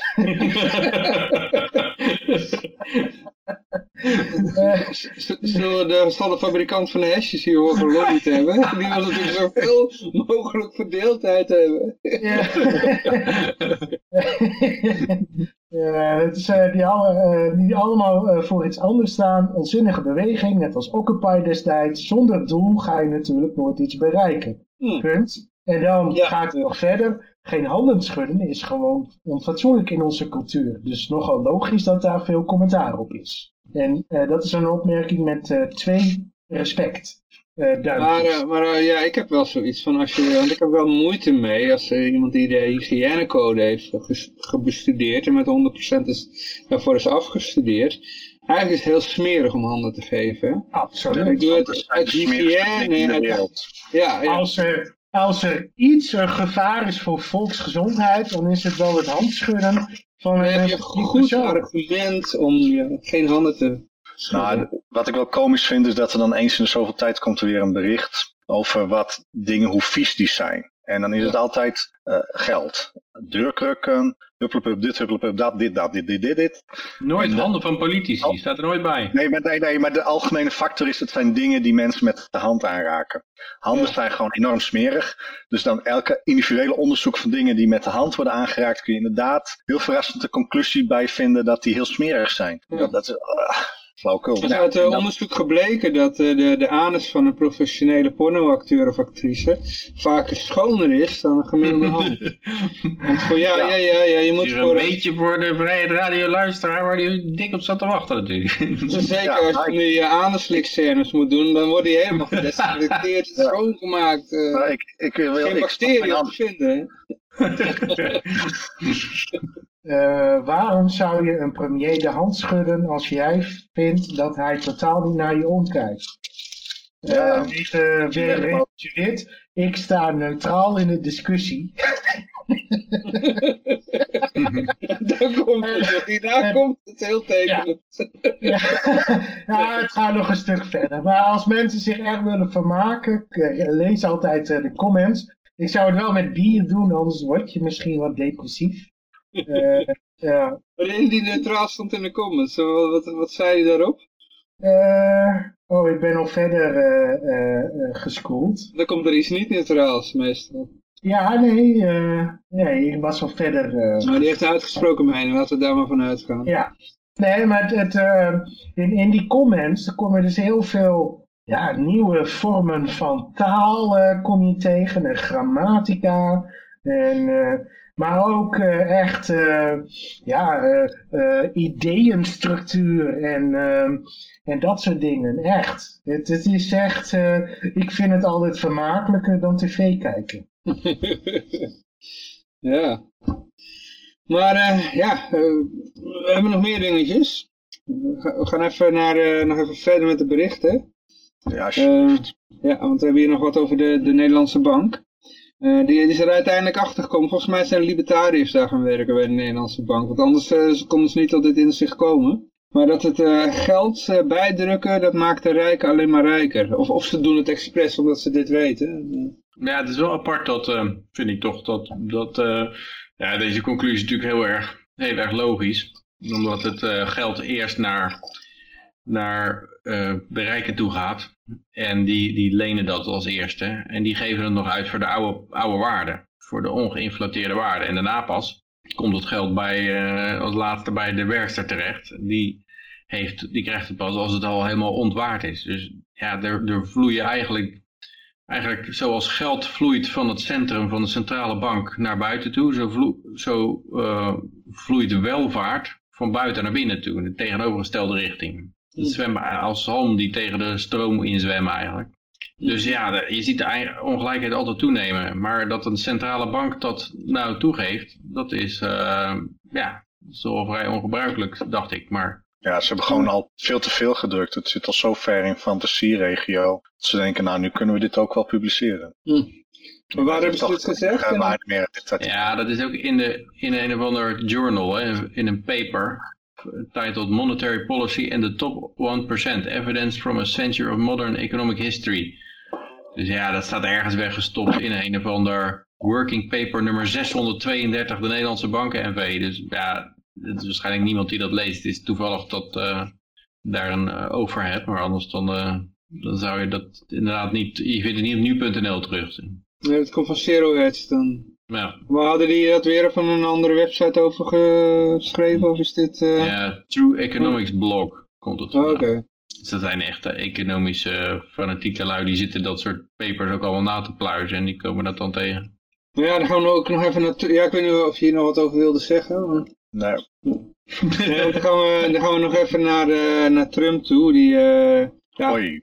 Voor de verkiezingen was hij helemaal in goud en eh, was het, alles was, moest goud zijn. En hij, hij was- vertrouwde vol in goud en de dollar moest ook door goud gedekt zijn. Maar eh nou is hij eventjes president en eh zit al tot in de, endelda in de endeldarm in de anus van de Federal Reserve. Zo blijkt weer. Daar heeft hij wat dingetjes geroepen, onder andere pro-kwantitatieve versoepeling. Ik denk dat, dat, eh, ja, dat hij meer nou de centrale bank vertelt. Up, geld drukken, geen gezeik, eh, rente omlaag en quantitative, quantitative easing doen. Dus de aandelenmarkt omhoog kopen. Want terwijl hij voor de verkiezingen zei, ja, de, de aandelenmarkt zit in een enorme bubbel en het is een eh, fantasie-economie en alle cijfers zijn allemaal gelogen, werkeloosheidscijfers en eh klopt allemaal niks van. Nou, eh, is hij zelf aan de macht en nou is het opeens van, eh, ja, eh, zet die geldpersen aan, die markt moet omhoog. Eh, de markt is mijn prestatie, dat het eh, aandelenmarkt, eh, dat is mijn geweldige economie. En hij hoopt dan met het stijgende, stijgende beurskoersen dat hij het, eh, ja, daarmee een herverkiezing kan voor elkaar kan krijgen. En, Nee, eh, ik denk en, dat en, het eh, gewoon en- echt een verrassing was dat hij het is geworden, in zekere zin. Er waren gewoon kandidaten die werden voorgeschoteld. Ik, ik heb wel het gevoel dat hij gewoon, ja, hij moet nu zich aanpassen aan het feit dat hij daadwerkelijk op de stoel mag zitten. Dus eh, ja, ik, in mijn fantasie is het zo gegaan. Hij is op een gegeven moment was hij gewoon een realistische kandidaat. Of misschien was het pas nadat hij daadwerkelijk was geworden. En toen zei ze, oh ja, we moeten je ook even uitleggen wie echt de baas is in het land. En toen, daarna, Ja, ik denk dat hij eh, kennis en... eh, ja, Trump daarna mocht hij weer verder van- met zijn leven. Ja. Heeft de svamp, ge- svamp gedraind. Er kwamen een paar topambtenaren omhoog. En die hebben Ja. eh, een filmpje laten zien van de moord op Kennedy. Van een engel die totaal eh, onbekend was voor hem. En eh, hij zegt, en nu ga jij dit zeggen. En, Nou, daar ga ik wel vanuit. Want voordat hij het werk, ik heb het al vaak gezegd, als hij echt iemand is die wat gaat doen aan hoe het gaat, dan gaat hij gewoon dood. Dat is hoe je mensen herkent die principes handhaven. Die sterven daarvoor. En dat zijn er niet zoveel. En ik vermoed dat hij dat niet is, zo'n persoon. Dus het verbaast mij niks. Nee. Ja. Eh, Trump, eh, eh, zijn policy lijkt niet al te geïnformeerd. Dus er zijn ook gewoon filmpjes van, van, van adviseurs die hem gewoon echt gewoon de meest basale dingen proberen uit te leggen. Mm. En dan zegt eh, Trump Ja. beetje van wie is de president? Er was laatst een persconferentie over... over Uh, maar dat soort berichtgeving, daar heb je ook niks aan. Ik- Nee. Dan, dat, dat is dus zoveel, vooral met Trump, wat over Trump gaat, dat is al zoveel herkoud. En dat zijn anti-mensen die maken vanuit de andere kant. Ja, maar die filmpjes bestaan wel hoor. Dat, eh, Ja, maar het is allemaal Ja. zo ge- gemanufactured. Het is allemaal Ja. Nee, nee, nee, gewoon echt, dat zegt gewoon ook echt van, uh, who's the president? Ja, dat weet ik wel, maar dat is, dat is gewoon, dat is, weer, daar- dat is ook weer met een bepaalde bedoeling. Eh, eh, dat wel Ja, een ik heb wel een interview met Trump gezien ook. En dan dat is enorm in gesneden dan. Ja, dat is wel gevaarlijk. Want er worden, dat, dat is goed als je dat kan herkennen. Dat er dingen aan elkaar geplakt zijn. En een stuk is weggelaten tussendoor. Want die cuts, dat, dat kan het zaak heel erg vertekenen. Want voor je gevoel is dat, volgt het een direct op het ander. En als dat niet het geval is, dat is wel eh, tricky. Maar ik denk dat, je hoorde dat bij Obama ook al, dat hij meestal eh, basketbal zat te spelen met die Reggie Love. En ja, die, die eh, presidenten, die hebben denk ik inderdaad niet zo heel veel meer te, in de pap te brokkelen. Het, het is gewoon de deep state die het runt.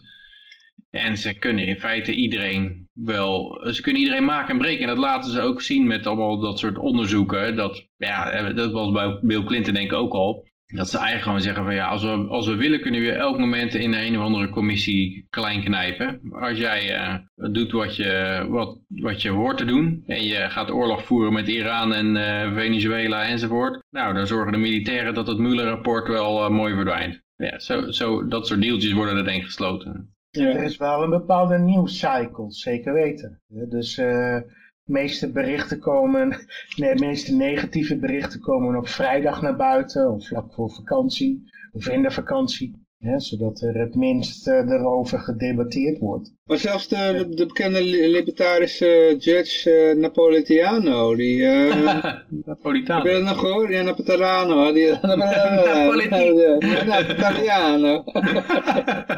Je weet wat ik bedoel. Ja, die zegt dat hij obstruction of justice heeft gedaan, eh, Trump. Ja. En eh, ja, de- de- het, is, het is wel zo dat het schijnt dat obstruction of justice, dat kan je echt, dat, eh, dat kan je iedereen bijna opleggen. Dat is een he- hele lichte, eh, onduidelijke, dat is net zoiets als campaign financing. Als je wilt, kan je daar iedereen op pakken, omdat eh, ja, de regels daarin heel eh, onduidelijk en vaag zijn. ja. Het één scenario, eh, zeg maar, van eh, wat is nou Trumps eh, presidency?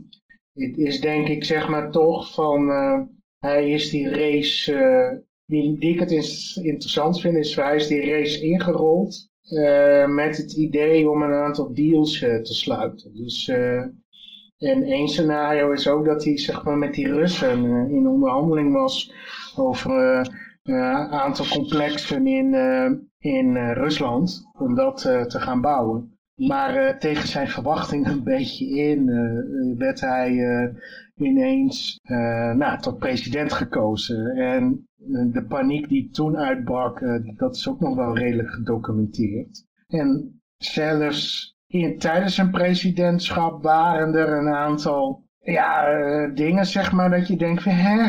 Dus ehm, hij, tijdens zijn eh, verkiezingen had hij eh, zich heel erg tegen de opkomst van China als economisch blok eh, afgezet. Op zich eh, te verklaren als je eh, president wil worden van een, superstaat. Maar eh, ineens tweet hij naar buiten dat ZT, een Chinees communicatiebedrijf, dat dat toch wel echt eh, de bom is, die heel goed werk levert. En iedereen zat toen, het was ook zo vlak voor een vakantie of zo, iedereen zat zo achter zijn hoofd te krabben van wat is dit nou dan? Maar toen bleek er ook eh, links en rechts eh, een dealtje zijn eh, gesloten over hotels in Indonesië met eh Chinese gefinancierd geld en zo voor de eh, familie Trump. Ja. Dus zijn Het is wel business... heel erg conspiracy dit allemaal.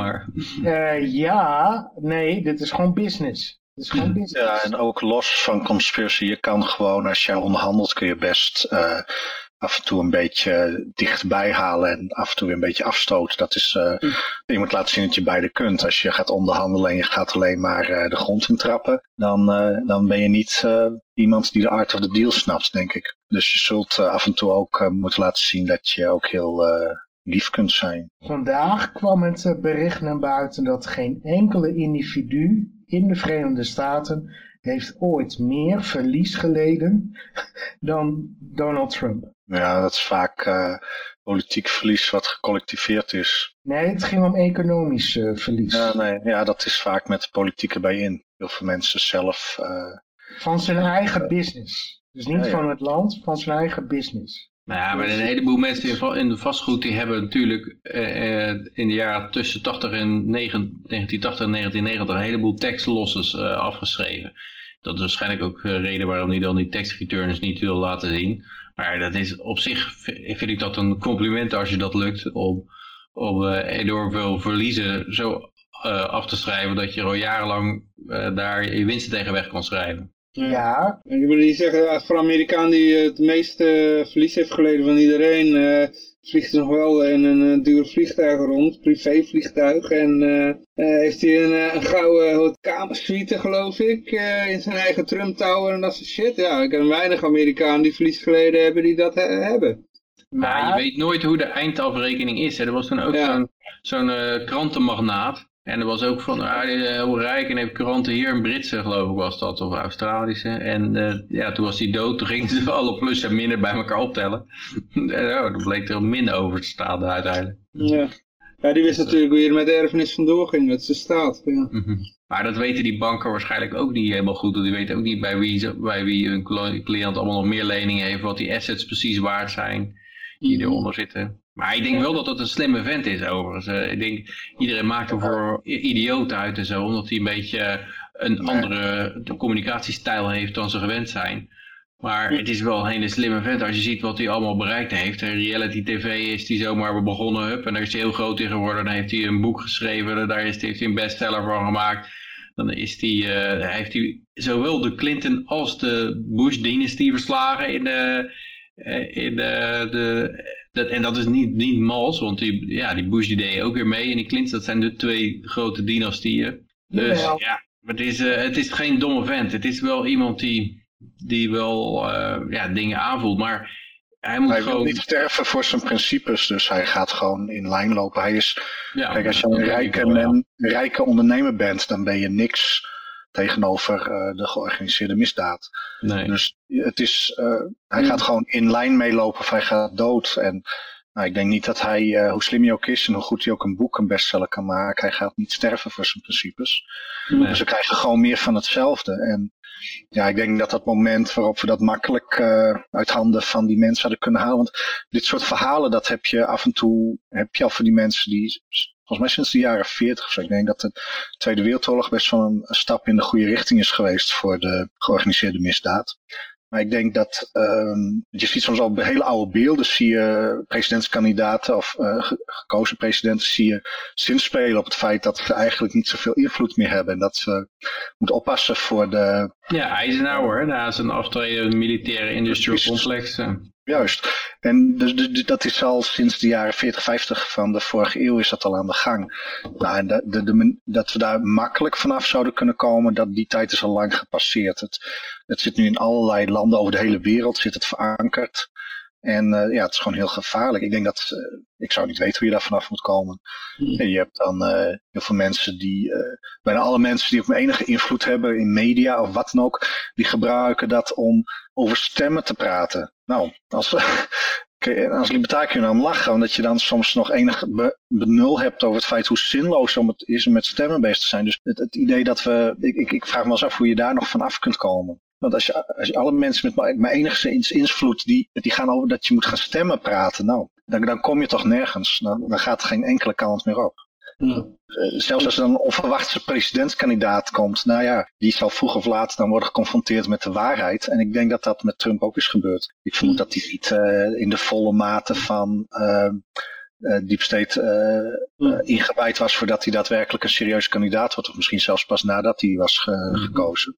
Maar ik heb aan de andere kant trouwens ook een idee van, kijk hij is uh, ooit groot geworden toen hij in New York, New York was toen failliet en toen heeft hij, daar, daar heeft hij zijn slag geslagen. Hij heeft toen allemaal dingen opgekocht. Mm. En dat, daar is hij groot door geworden en ja, dat trucje kan hij ook weer herhalen als hij president af is. Als zijn land failliet ja. is. Het is, ja. het is door het juiste moment schuld, schuld aangaan.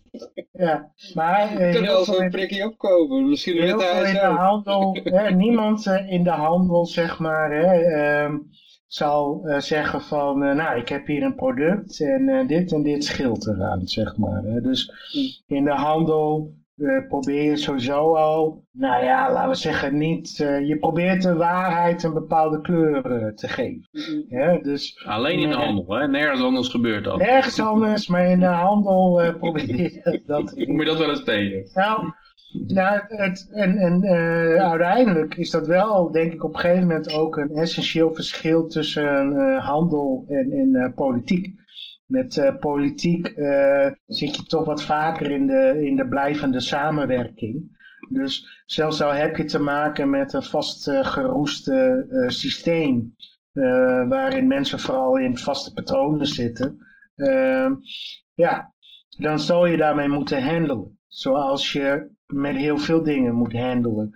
Als je uh, naar buiten gaat en het regent, dan zul je er ook mee moeten handelen. Dus dat is gewoon de uitdaging die we als uh, uh, mensen hebben. Dus de, de deep state, dus, dat, wordt ook wel tot iets meer tot een conspiracy gemaakt dan, denk ik, wat het werkelijk is.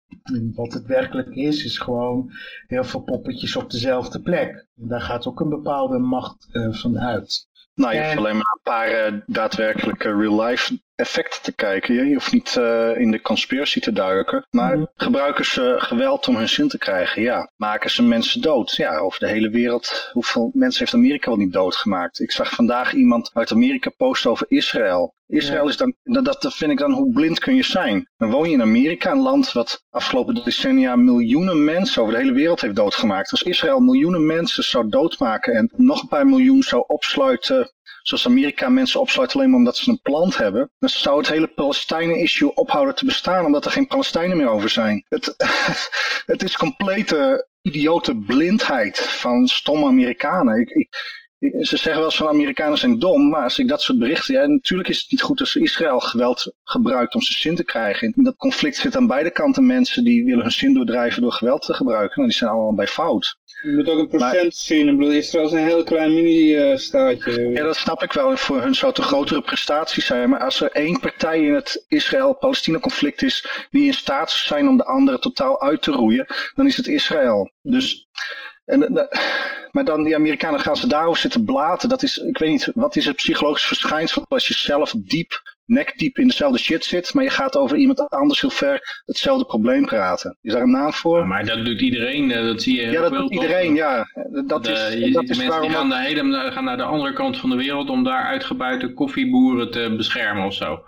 Ja, En, precies. eh, en mensen die denken dat de planeet over 100 jaar een graad te warm is. Of eh, het is altijd een excuus om problemen heel ver weg te zoeken. Terwijl je Ja, gewoon zelf een plantageslaaf bent. Precies, maar is het gewoon procrastinatie? Is het gewoon Nee, de, dat de- is, de eh, weerzin om... Ja, maar dat bedoel ik. Is het gewoon de weerzin om... om want ik denk, er zijn op zich... Hè, de, de helft van de mensen is beneden gemiddeld intelligent. Maar dat, ja, de andere helft is boven gemiddeld intelligent. Is het gewoon voor sommige mensen ook gewoon het feit dat ze niet daadwerkelijk willen doen wat echt effect zou willen hebben? Hè, dat kan ook zo zijn. Hè, Ik ben heel negatief over wat angst- mensen doen met hun leven. Maar ja, angst misschien. Nee, het Dat is de kan. angst om, om te ontdekken dat je geen invloed hebt over dat soort mensen. Want met dat, als je blijft stemmen, dan kun je jezelf blijven wijsmaken dat ze in jouw dienst werken en dat ze voor jou werken.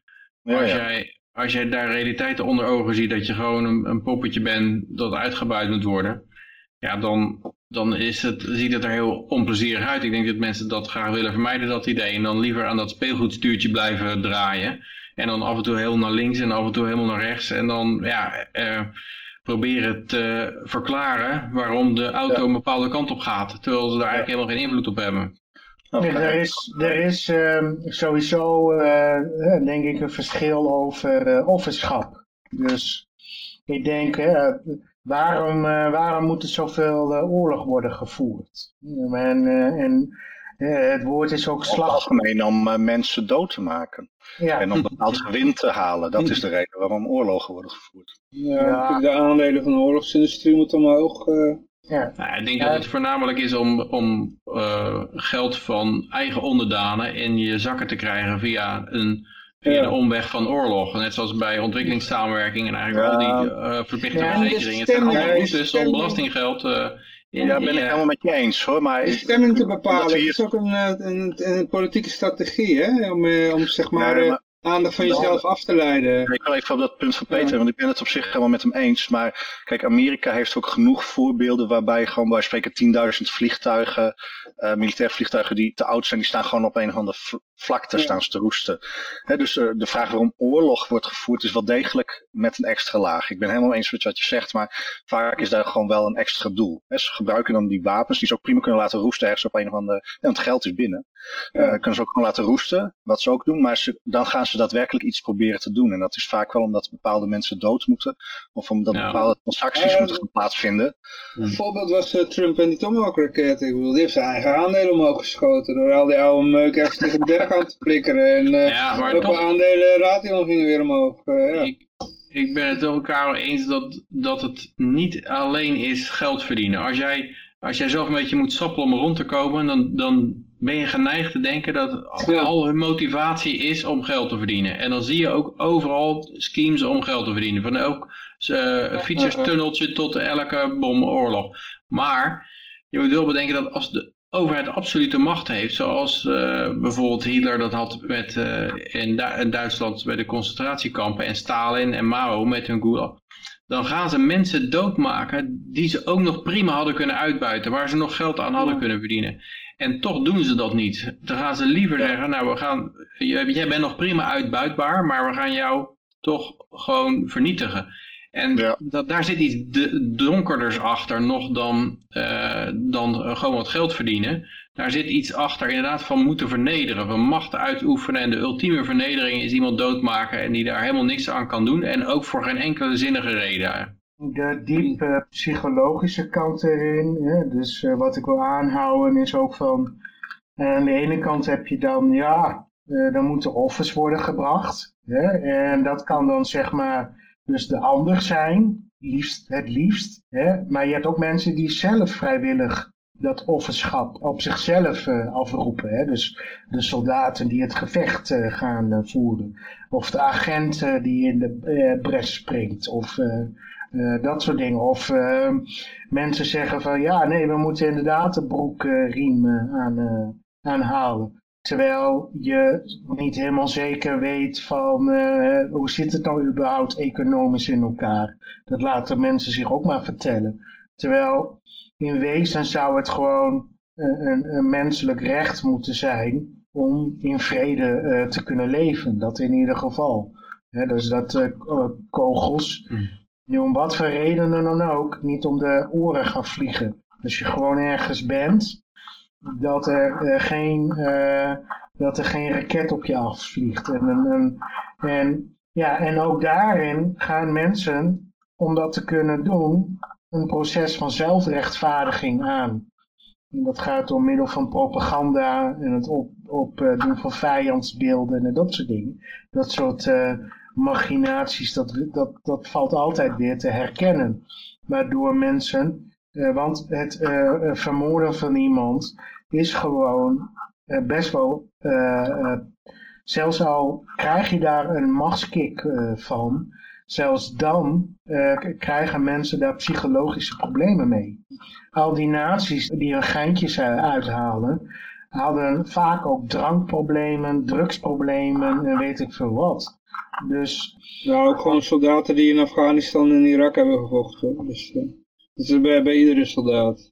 Ja, maar daar zit, een, daar zit ook nog echt de spanning in van dat uit elke hoek kan een kogel uh, komen. Ja, maar in hoeverre waren die mensen al, al van het potje gerukt toen ze daar dachten van nou ik ga een paar duizend kilometer verderop uh, en, uh, een utopie stichten of zo. Dat, dat dan, ik denk dat, dat, je dan... Dat is de gekheid die het nationalisme heet. Hè? Ja, ik denk dat, dat, dat de voorselectie is natuurlijk al heel erg geweest van mensen die extreem verlegen zitten om, om hele grote spanning en risico's. En, en dat hij dan op de weg terug zelfmoord plegen, dat is ook, ja, dat verbaast me ook weer niet zo heel erg. Over dat nee, zelfopoffering maar... gesproken, overigens, dat is nog wel een leuk verhaaltje misschien. Dat was uh, de, de Hitchhiker's Guide to the Galaxy, daar hadden ze de dieren gekweekt, die waren, die waren ook uh, genetisch gemanipuleerd tot zelfopoffering. En die sprongen zelf spontaan op de barbecue. en dan moet je af en toe wel eens aan denken als je naar sommige burgers kijkt. ja, maar... Uh, nou, ik heb wel statistieken gezien over, politie, over politie. Dat zeg maar de hoeveelheid uh, huishoudens die uh, dan te maken hebben met geweld binnen het huishouden. Er staan dan gewoon gemiddelde voor. Ik weet niet, dat was dan bij spreken 10%. Maar binnen huishoudens waarbij mensen die bij politie werkten, was het echt drie, vier keer zo hoog. Ja, die schiet ook veel vaker een vrouw overhoop, hè? Ja. ja. ja maar kijk, uh, stap maar eens een random film in in de bioscoop. En dan, met name dan de Hollywood films natuurlijk. Uh, en, en dan let dan maar gewoon eens op van wanneer er gewoon, gewoon echt oorlogsmateriaal voorbij komt. En dan heb ik het niet over, over gewoon, uh, gewoon de standaardwapens of zo. Dan heb ik het echt gewoon over zichtbare militairen en, en, en, en dat soort... Uh, Vliegdekschepen en zo. Vliegdekschepen en dat soort dingen. Dat is echt gewoon... Ja, uh, is echt als je Netflix openklikt en je kijkt naar het aanbod. Dat zijn gewoon... Uh, zijn, zeven van de acht films zijn allemaal geweldsfilms. En, en, als je, en, en qua seks bijvoorbeeld, dat is een heel raar verhouding vind ik altijd. Seks en geweld. De, de hele bal, je televisie wordt helemaal volgepompt met geweld. En dan, maar als je bij Netflix kijkt, als, voor, als voorbeeld te noemen, dat, dan zijn er alleen drie documentaires over seks. En dat gaat al over When Porn Ends of zoiets. Over in wat voor diep gat pornoactrices wil niet vallen als ze, als ze te oud zijn geworden voor de pornofilm. En dan denk ik wel eens van ja, probeer nou eens uh, what after the war ends. En dat is soldaten in beeld brengen. Die de, maar dat, dat, ja, dat, de propaganda is daarin heel sterk. Uh, geweld mag. Ja, en, geweld mag, maar ook oorlog is normaal. Ja. Ja, dus, ja, genormaliseerd, denk ik. Genormaliseerd. Ik het, van het viel mij dus een keer op. Het viel mij dus een keer op. Ik zat echt naar een avonturenfilm uh, te kijken. En op een gegeven moment, in een van de laatste scènes, komt er zo'n zo'n watervliegtuig eh, in beeld. En dan zie je op de vleugels US eh, Air Force erop. ja, worden ze voor betaald hoor. Worden ze voor betaald. Ja, precies, daar worden ze gewoon echt voor betaald. Dus die hele, dat hele, en in de Verenigde Staten, nou, er zijn ook sportevenementen, en dan vliegen die straaljagers uh, weer over. Het hele militaire uh, gedeelte van de Verenigde Staten is daar gewoon echt genormaliseerd. Ja, sportevenementen ook. Hè. Daar werden ze voor, uh, de NFL werd er geloof ik voor betaald om uh, om het volkslied te zingen. En uh, kan allemaal uh, optochten en parades. En een hele militaire ah. toestand voor een voetbalwedstrijd. Ja. Ik had trouwens van de week een... Ik vind, ik vind straaljagers best mooi hoor. Ik zou hem best vrijwillig willen bijdragen aan een luchtmacht. Waarom maak je niet gewoon een, een, een, een passagiersvliegtuig van? Oh, oh, dat hadden ze al gedaan. Oké. Okay. Nee, maar, ja, maar, had... uh, maar waarom, waarom die... Kijk, ik ben op zich niet voor het uitoefenen van geweld. Maar ik, uh, sommige straal, ja, ik kan me best voorstellen dat je daarin wilt vliegen hoor. Dat, is, uh, dat lijkt me helemaal niet raar om in een straaljager te willen vliegen. In een, in een soort schuttersputje in de woestijn wilt zitten, daar kan ik niet veel mee. Maar uh, het idee dat je straaljagerpiloot wil worden, daar kan ik best in komen.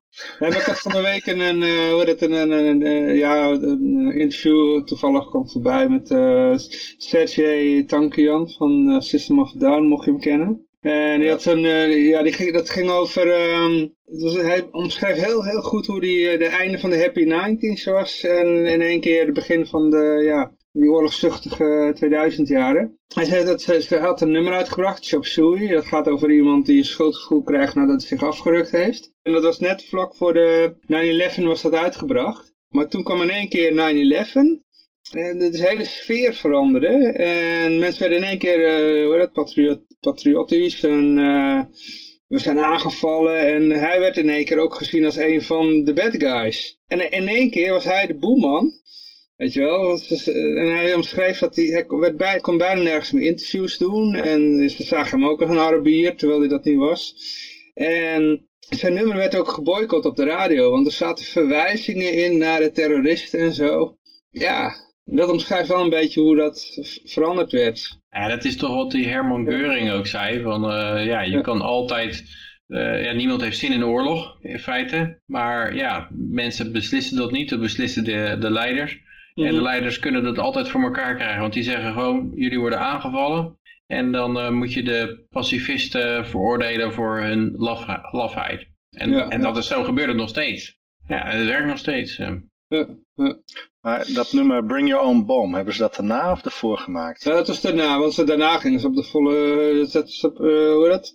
Vol in natuurlijk, uh, gingen ze heel erg tegen demonstreren. Dus. Gingen, ze het, uh, gingen ze het ownen? Ja, ja.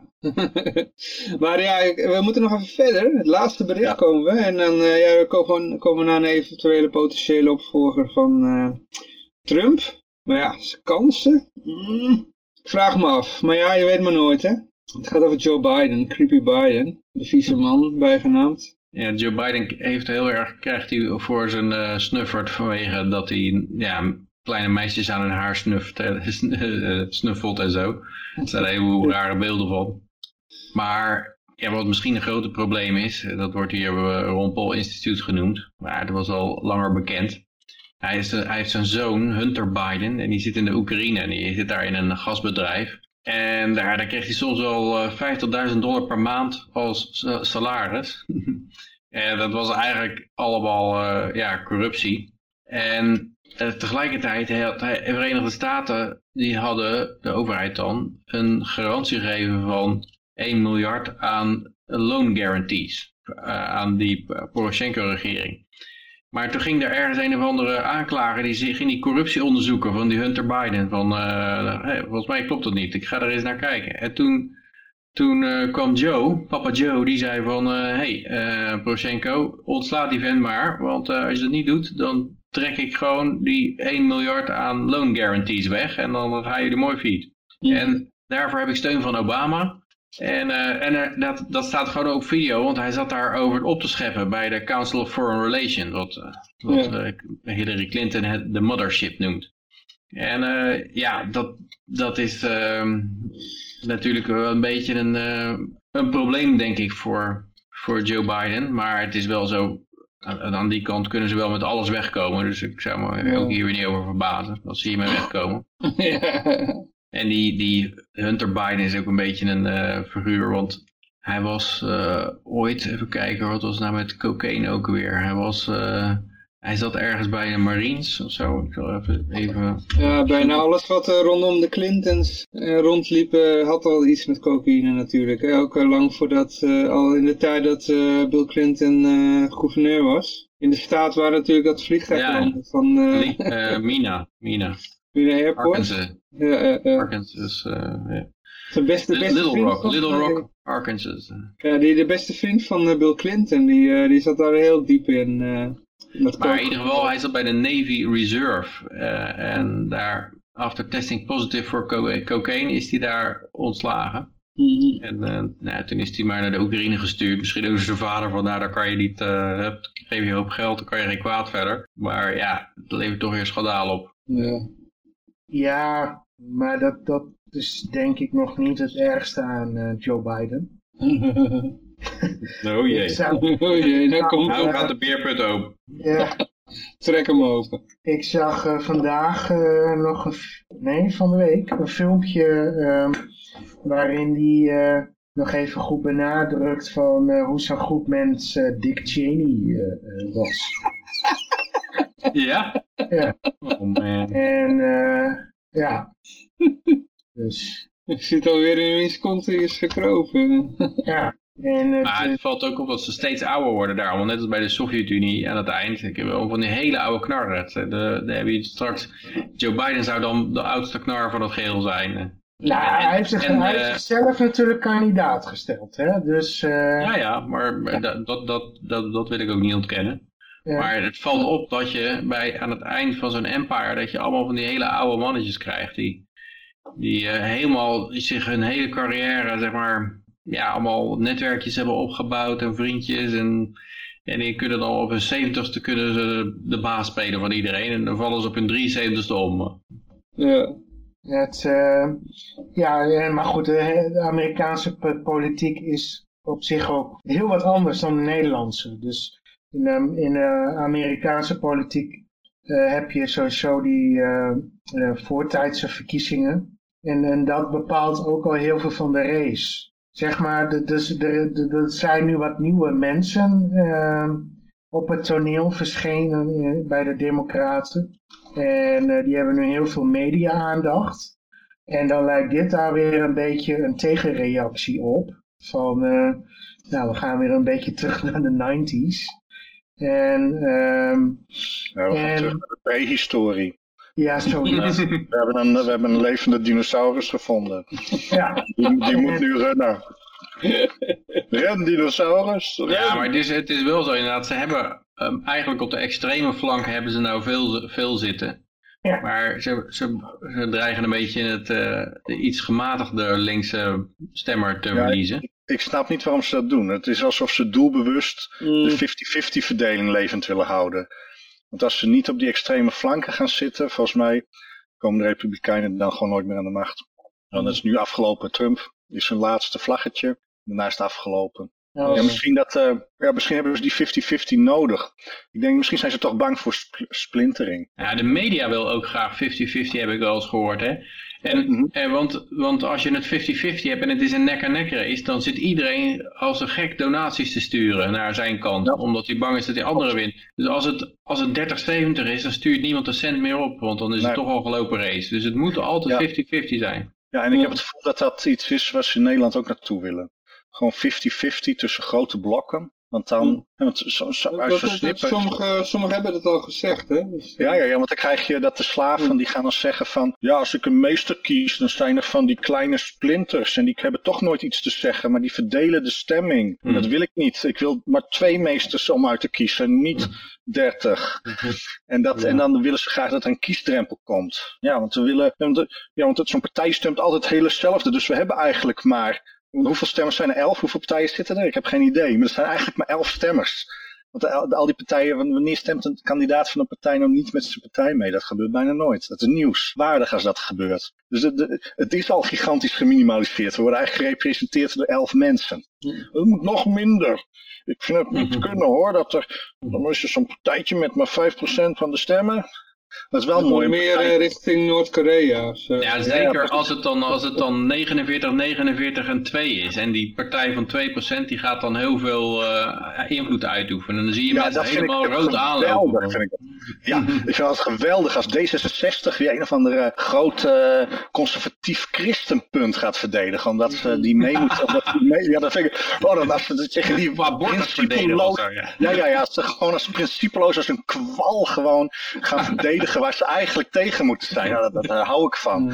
Dat, dat, dat zijn van die momenten. Denk ik, oh, politiek is toch geweldig. Maar ja, het, het stemmen, eh, en waardoor het dus ook zeg maar, eh, hoe heet het, wat, wat, wat zinloos eh, is gaan voelen. Dus nog afgezien van de, van de daadwerkelijke beleid waardoor uh, kruimels kant op rollen. Is omdat het nu ook veel meer op een populariteitscontest is gaan lijken. En, en dat is dus ook zeg maar, ja, nu ook echt bij die v- Amerikaanse verkiezingen, bij de Democraten zal dat ook echt. eh, bij de Republikeinen is het al eigenlijk een uitgemaakte zaak. Hè? Dat, dat wordt eigenlijk gewoon Trump. Maar bij de Democraten, dan heb je dus, ja, wie, je kunt er wel met een fantastisch beleid komen, maar dat, daar heeft die Joe Biden het ook niet over. Want ja, je wil niemand afstoten. Dus die zit echt gewoon totaal niks te verkondigen. En hij hoeft alleen maar geen Joe beleid Biden. noemen, dat is desastreus inderdaad. Ja, dat is dan wel niet verbaasd dat hij het gewoon gaat horen hoor. Hij, hij hoeft alleen maar Joe Biden te zijn. Hè? Van, ja, ik ben vice-premier geweest, of hoe het daar ook heet. Vice-premier inderdaad. hè. Ja, president. En, ehm, maar als je dus voor inhoud wil gaan, dan moet je dus zeg maar het risico nemen dat bijvoorbeeld Al Gore had dat eh, eh, verwijt naar zijn hoofd eh, gekregen. Ja, jij bent veel te droog, veel te elitair, zeg maar. Terwijl, nou, als je als, je als president een grapje maakt of een beetje, een beetje snelle babbel hebt, ja, dan dat, dat telt dan ineens. Terwijl, ja, gewoon echt dat je gewoon uitlegt van wat je visie is en dat soort dingen, dat is boring, weet je. Ja, je krijgt wat, wat dat betreft ook de president eh, die je verdient. Maar goed, ja, we zullen zien hoe het gaat lopen.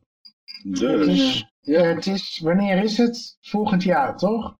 Ja, ik, ik hoop of dat op een of andere manier. Doet die mevrouw ook mee? Die eh, AOC of hoe heet ze? OAC? Nee, die mag niet eens meedoen. Oh, jammer. Eh, dat vind ik dan jammer. Dat ho ik hoop dat het dan een race tussen haar en Trump wordt. En dat een van beiden Bernie wint. Maakt niet uit wie. Maakt niet uit wie. Ik, gewoon, ik wil of dat Trump weer wint. Ik, ik wil eigenlijk dat Trump gewoon op een of andere manier voor elkaar krijgt om drie keer president dat lijkt me echt iets van vier keer. Want eh, er is al eens een andere geweest die ook drie keer was. Maar dat lijkt me echt het meest briljante. Dat, er is ook iemand geweest die vier keer heeft gewonnen. hè. Dat is... Oh ja? oh, is geweldig. wel- Ja. Oh, was dat, ik, ik dacht dat hij drie keer was, maar was dat vier keer? Nee, nee, nee, nee, net na de vierde keer overleed hij. Dus het, eh, Oh, oké, hij zat zijn leven lang al in een rolstoel, maar... eh, Ja, precies. Ja. Op een of andere manier had ik drie keer in mijn hoofd, maar vier keer. ja. Maar dat lijkt me echt geweldig, dat, gewoon, dat Trump gewoon nog langer blijft. Want eigenlijk wat ik wil is dat Trump net zo lang president wordt, zodat al die mensen die zeggen van, oh, dan maar geen president, dat hoop ik dan. Zo, dat wil ik eigenlijk.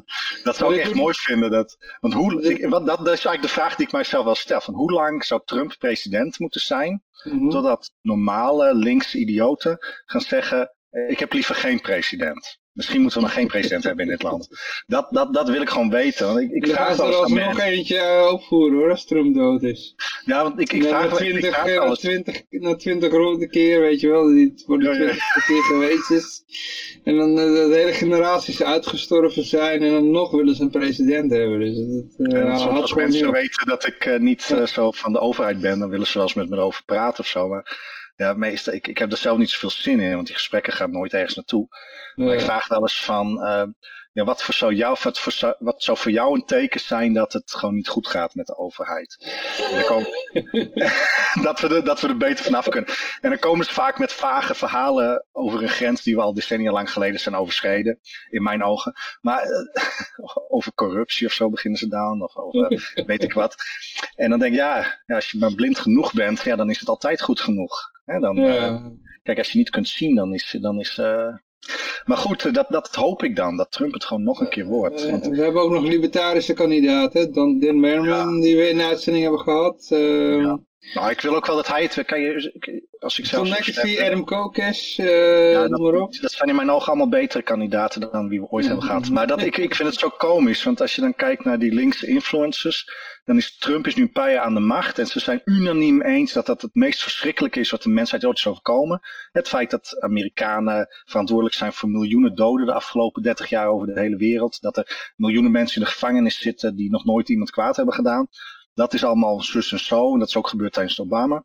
Maar nee, dat Trump er nu is en wat hij zegt, dat is het ergste wat hun ooit is overkomen. En dan kunnen ze om huilen, gaan ze om brullen. Maar Ja. unaniem zijn ze het erover eens dat ja, het, het- de president moet nog meer macht hebben en het moet hun kandidaat worden. Dat is wat ze... Ja, Ja, dan ben ik wel benieuwd hoe lang het duurt voordat die evolutie dat eruit kikt. eh, eh, eh, ik denk het niet. Zullen we daar nog later op terugkomen? Ja, andere uitzending. Maar we zitten bijna aan het einde. En eh, eh, hier naast me zit eh, Yoshi te, te popelen. Vanuit Lieberland. Oh. Dus eh, die gaan we even de microfoon onder de snuffer douwen. En eh, daarna is het eh, voorbij met de uitzending. Maar dan zijn we de volgende week weer. Maar de, de, de afscheidszin die eh, komt zo meteen. Eerst even Yoshi. We switchen nog eh, heel even over naar, eh, naar Servië. Waar, we in de buurt van naar Lieberland eigenlijk. Hè? Eh, ja, je zit vlak Laten we maar Lieberland. Lieberland tijd aanhouden, Johan. Lieberland Ja, we tijd. zitten, jij zit in Lieberland. Zo is het maar net, Johan. Gisteren kreeg ik van jou een update dat eh, Roger Ver een filmpje online had gezet hoe dat je nou een token maakt op eh, Bitcoin Cash. En toen heb ik dus de Yoshi token gemaakt, en naar aanleiding van dat filmpje. Oké. En, En ik heb, ik, heb de, ik, ik, ik heb de Troost de Vrijheid Radio eh, token gemaakt. Daar heb ik er Ja, 1 tril, 1 triljard van. Oké. Ja, die worden Maar nog de- niet geaccepteerd door de Yoshi token, dat is dan weer jammer. Oké, Eh, oké. Die moet nog eventjes... eh, nou, tot een bepaald bedrag wil ik wel met je meegaan, Johan. Dan moeten we het nog buiten de uitzending maar even over hebben dan. Ja, want deze token is eh, ongeveer, ik heb 10, eh 10 cent aan, eh, aan Bitcoin Cash eh, erin gestoken. en dat Oké. opgedeeld in 1 triljard stukjes. Ja. Het is misschien ietsje meer waard dan een floppy coin. Maar ja, het kan nog komen, misschien hè. Ja, Als je nou zendtijd gaat verkopen bijvoorbeeld, dan eh, maak je een markt voor je, voor Ja. je vrijheid radio. Maar, maar zullen, zullen we eerst even voor de, de, de gewone man, de simpele leek, die, eh, die, alleen, ja, die misschien alleen weet wat een bitcoin is, uitleggen hoe dit nou allemaal werkt? Ja, nou ik zal het proberen om eenvoudig kort te beschrijven en dan ga ik even zeggen wat ik nou met mijn Yoshi token ga doen. Is dat een Oké, goeie? ja. Dus er is een bitcoin. Ik ga ervan uit dat dat dan bekend is. Dat moet bekend zijn. En als je dat helemaal niet ooit van gehoord hebt, ja, dan moet je niet verder luisteren. Maar die is op een gegeven moment, is er een geschiedenis, wordt er opgebouwd in dat muntje. En op een bepaald moment in de tijd is die geschiedenis eh, zich gaan verdubbelen. Omdat er een tweede partij eh, eh, kwam die zei, ik wil het toch net anders, want dit en dit en dit, bla bla bla. Er is een hele hoop gedoe geweest. Dus op een gegeven moment komt die dag en dan zijn er dus eh, twee keer een geschiedenis die er plaatsvindt. En die andere bitcoin heet dus Bitcoin Cash. Nou, daar zit in- inmiddels ook weer een hele geschiedenis aan vast. Maar lang verhaal kort kun je nu eh, tokens op Bitcoin Cash maken. Net als dat er tokens op Ethereum gemaakt kunnen worden. Op een hele eenvoudige manier eh, wordt het uitgelegd nu door een filmpje, door Roger Ver in een filmpje op YouTube, hoe dat je dat doet. En dan ben je eigenlijk voor 10 cent hè, of minder. Dus iedereen in de wereld kan dat doen. Ja, heb je je eigen token. En kun je dus eh, vervolgens eh, daar iets mee verzinnen. Wat jij zelf kan verzinnen. Dat je eigen creativiteit die, eh, die daar een limiet aan stelt. Hè? Zo zie ik het tenminste. Maar wat is precies een token? Een token is dus een soort cryptomunt die niet zijn eigen blockchain heeft, die gebruik maakt van een andere onderliggende coin. En die dus eigenlijk op zichzelf helemaal niet iets voor kan stellen zonder de infrastructuur van iets anders. Snap je? Dus je, Mhm. het is eh, vaak, dus één druk op een knop kun je zeggen van nou, dit is nu een muntje. Maar vervolgens eh, bepaalt dus wat je met dat muntje eh, de belofte is. eh, of wat er eh, geprojecteerd gaat worden, hoe, hoe eh, spannend dat het is, zeg maar. Hè. Dus zo moet je het maar zien. Wat, wat kun je ermee? Nou, ik kan nu dus een Yoshi token maken. En het punt is, ik had ook al wel eerder op eh, Ethereum bijvoorbeeld die token kunnen maken. Alleen ik had voor mezelf niet het gevoel bij die Ethereum, wat ik nu bij deze Bitcoin Cash token wel heb. eh, de Ethereum was toch iets allemaal te technisch en ik vind het nog steeds geen bewezen techniek in dat opzicht. En ik ben altijd van Bitcoin geweest en nou ben ik dus laatst, ja, ik, kijk, er is een probleem voor Bitcoin. Dat is gewoon dat er ontzettend veel economie in de wereld plaatsvindt. Snap je? Zoveel economie dat als het allemaal op zo'n manier geshared zou moeten worden, dan dat is zo gigantisch. eh, daar zijn we nog lang niet. Snap je? Nu is het een paar lievelingetjes die eh, af en toe eens een kopje koffie kopen misschien en dat meteen weer bijkopen of weet ik veel wat. Maar eh, ja, bij Bitcoin Cash, eh, eh, dus eh, als die data toe gaat nemen, moeten we gaan zien hoe dat, dat zich uit gaat pakken. Bij Bitcoin is het dus, als de data toeneemt, dan raken de blokken vol en dan krijg je een lag, om het zo maar te zeggen. En dan loopt dus jouw transactie soms wel 10 blokken achter. Nou, en dan, dan, dan gebeurt dat. Dan moet je dus meer betalen voor je transactie en dan wordt die opgepikt. Ja. Maar, ik bedoel meer van, wa- wat kun je met een token doen? Ik bedoel, het is de, toege- de toegevoegde waarde van een token. Nou, zal ik nou vertellen wat ik met mijn Yoshi token ga doen? Ja.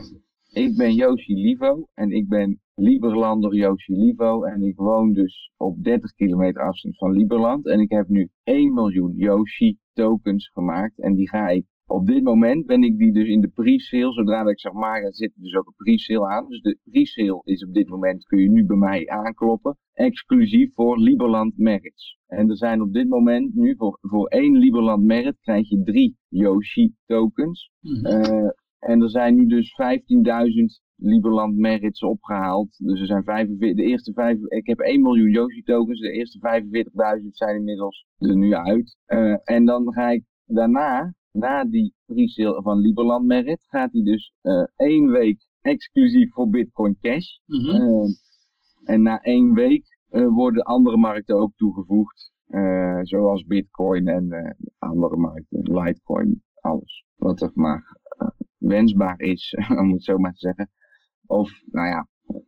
Dus zo ga ik die munt in de markt zetten. En vervolgens moet er natuurlijk een belofte worden gedaan. Dus ik zeg dat iedereen die die munt koopt, die zal in Bitcoin Cash dus voor het grootste deel worden afgerekend. Eh, of nee, worden afgerekend. En ik koop die op de dubbele prijs terug binnen twee jaar. En ik denk dat, en ehm, ik ga dus 1 miljoen van die munten op 001 Bitcoin Cash neerzetten. Dat is een totaal van 1000 Bitcoin Cash eh, in totaal. En ehm, wat er nu dus gebeurd is, Johan, ik heb dus in Liberland heb ik die munt op de markt gebracht en daar is een leuke som geld overheen gegaan. En mensen van Liberland die hebben dus gehoord dat ik centen had en die zijn vervolgens, ik ga niet zeggen hoe of wat, want dat is allemaal, eh, dat wil je niet horen vaak, maar ehm, eh, er zijn dus heel veel mensen geweest die hebben gezegd, ja, eh, er is, als we, als op een, op een nou laten we zo zeggen, geld spreekt, snap je? Dus ik kan met die bitcoins, eh, sorry, bitcoin cash, eh, kan ik eh, binnen de organisatie van Liberland een hele een nieuwe motivatiegolf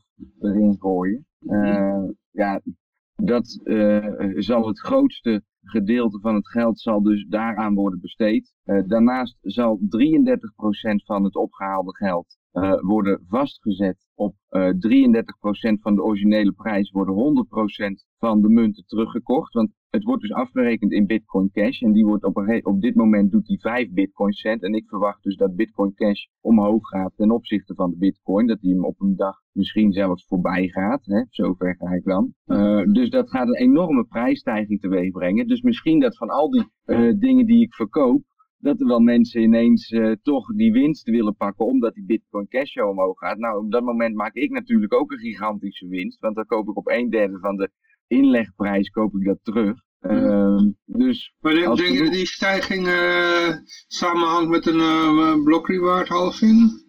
Van Bitcoin Cash? Nee, nee, nee, nee. Dit heeft dus te maken met het feit dat deze tokens nu op deze manier gemaakt kunnen worden. En dat Roger Ver daarmee aantoont dat hij met een team van ontwikkelaars actief een richting op aan het gaan is.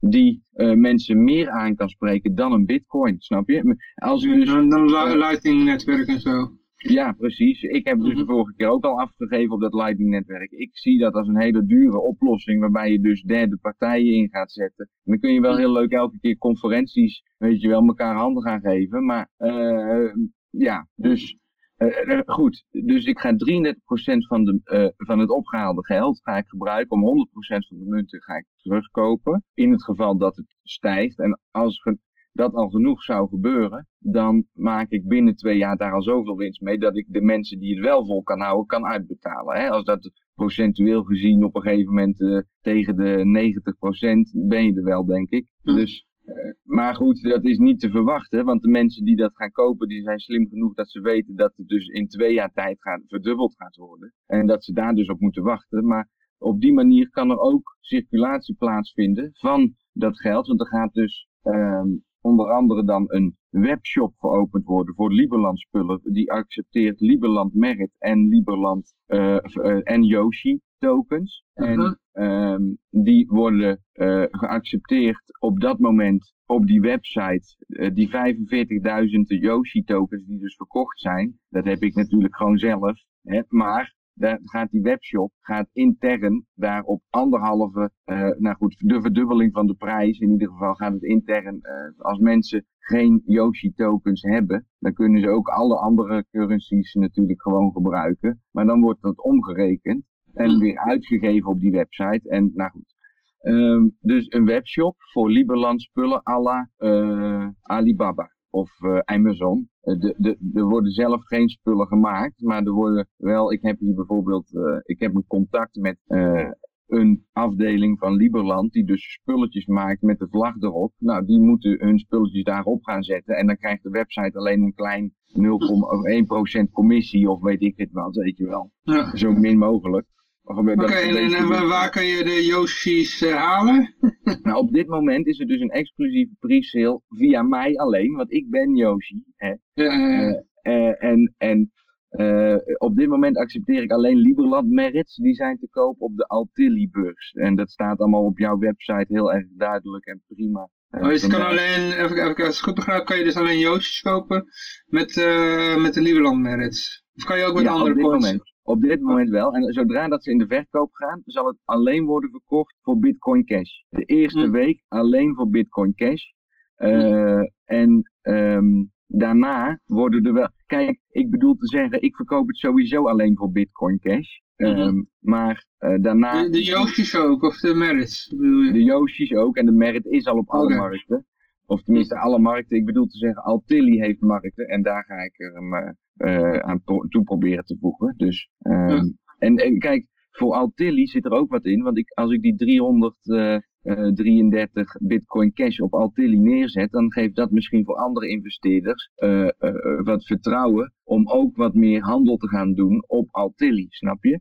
Dus ja, eh, en, en voor Bitcoin Cash zelf is het natuurlijk, als het een succesvolle IC, of hoe, hoe je het wil noemen, token sale is, ehm, dan is dat voor Bitcoin Cash ook leuk. Ja. Ehm, en ik eh, klaag natuurlijk sowieso niet dat ik dan 300 eh, Bitcoin Cash riskeer, want ik krijg ze van iedereen, dus ik ga sowieso niet zeuren. ja. Ehm, Maar hoe zet je zo'n Yoshi op een beurs neer nou, en, nou, dat is nog een ander dingetje, want dat is inderdaad ook nog een heel verhaal. Maar ik ga dus nog veel meer doen, want je kan dan volgend jaar met de eh, ehm, eh, verjaardag van Lieberland, er is een heel speciaal pakket voor acht personen te koop voor 10.000 Yoshi per stuk. Van eh, rondom het weekend of rondom de datum dat Lieberland, eh, krijg je een speciaal programma aangeboden. En als je op een andere ander moment in het jaar Liberland wil zien, dan kun je niet voor 10.000, maar voor 1000 Yoshi's bij mij eh, een, een boottocht Liberland met wat verhaaltjes en weet ik veel wat. Oké, en hoeveel is duizend Yoshi's in euro's? Nou, omdat ik dus, eh, ik, ik heb dus gezegd 001 Bitcoin Cash per Yoshi. Ja. En dat betekent dus per Bitcoin Cash krijg je 1000 Yoshi en 1 Bitcoin Cash. Eh, dat is ja, 262 euro geloof ik. Ja, dat ligt er dus net aan in welke valuta dat je dat tegen wil handelen. Ik vind het zelf altijd leuk om in grammen goud. Maar ja, nee, maar goed. Eh, Hoeveel gram goud is, een, eh, is, is 1000 Josies? ja. Moet jij berekenen? Jij zei net 264. Nee, nee, twee- ja, zo is, eh, ik heb gisteren voor Bitcoin Cash gekocht. Toen was het Het eh, ligt er dus aan- 262. eh. binnen, binnen de goud is er, is er wel een spread tussen koop en verkoop. eh, van ongeveer, ja, het ligt er ook wel weer net aan welke basisprijs dat je hanteert. Maar laten we zeggen 25% Oké. Dus ehm, ik neem eventjes, als ik nu eh, een gram goud verkoop, krijg ik per gram ongeveer eh, 30 euro. Mhm. Dus 260 gedeeld door 30 is 8,6, zoiets. Oké. Hm. Ja, goed, ja. ehm, hoe, hoe meld je zoiets aan bij een beurs? Eh, stel dat er iemand luistert en die heeft het filmpje van Roger Ver ja, en, die, en denkt van ik maak mijn eigen shitcoin. Of weet ik veel shit token of zo. Ja, nou, moet je dus, daarna moet je dus naar een beurs toe inderdaad. En dan moet je wat, eh, eh, tegen, wat informatie. eh, ja, of sommige, hè, als je maar betaalt, dan, eh, dan komt het goed vaak. Of Mhm. tenminste, ja, het ligt er dus aan welke beurs jij eh, op het oog hebt, snap je? D- er zijn er Maar heleboel- zeggen Altilli, dat is wat uh, laagdrempeliger, hè? Die, niet die KYC, zeg maar. Ja, die hebben dat inderdaad. dus daarom, dat is er eentje die ik nu, ja, weet je wat het punt is? Alle beurzen zijn in zoverre nieuw. Bitfinex gaat nu dus, dat is ook inmiddels, als deze uitzending gedaan is, dan weten we hoe dat is afgelopen. Gaat die token sale gaat live en gaan ze dus 1 miljard ophalen. Nou, ik verwacht dus dat ze binnenkort een hoop van die bitcoins verkopen voor hun teters en dan daarmee eh, die nieuwe Leo eh, gaan backen. Hè, dus dan crasht de bitcoin enorm, omdat zij gewoon al die eh, dollars eruit trekken voor hun Leo's. Hm. Ehm, maar we zullen zien, voorlopig eh, stijgt het allemaal nog eh, redelijk. We zijn een beetje, er is één cel inmiddels geweest. Maar we zullen het zien, Johan, we zullen het zien hoe dat er weer afloopt. Snap je? Dus welke beurs vertrouw je, is altijd een moeilijke vraag. En wat is eh, die beurs hun beleid? Dat, dat moet je zelf dan gaan uitzoeken. Ik heb in dit geval voor Altilli gekozen, omdat ik daar nu met de Lieberland Merit en nou goed, eh, dat- dat, loopt gewoon lekker met mij. Dus ik vind dat een fijne plek om eh, dit Maar dat is ook een libertariër, hè, die het runt, had ik begrepen. ja, die is helemaal enthousiast met Lieberland. Dus daar ben ik heel erg, heel erg, ja, gewoon goed mee. Ik zeg niet dat ik er iedere dag mee aan de lijn hang, maar gewoon de gesprekken. zijn. voor de luisteraars, dan heb je toch wel iemand die, die de beurs wordt gerund door eh, iemand die eh, gelijkgestemd is. eh, ook een vrijheidlievend iemand.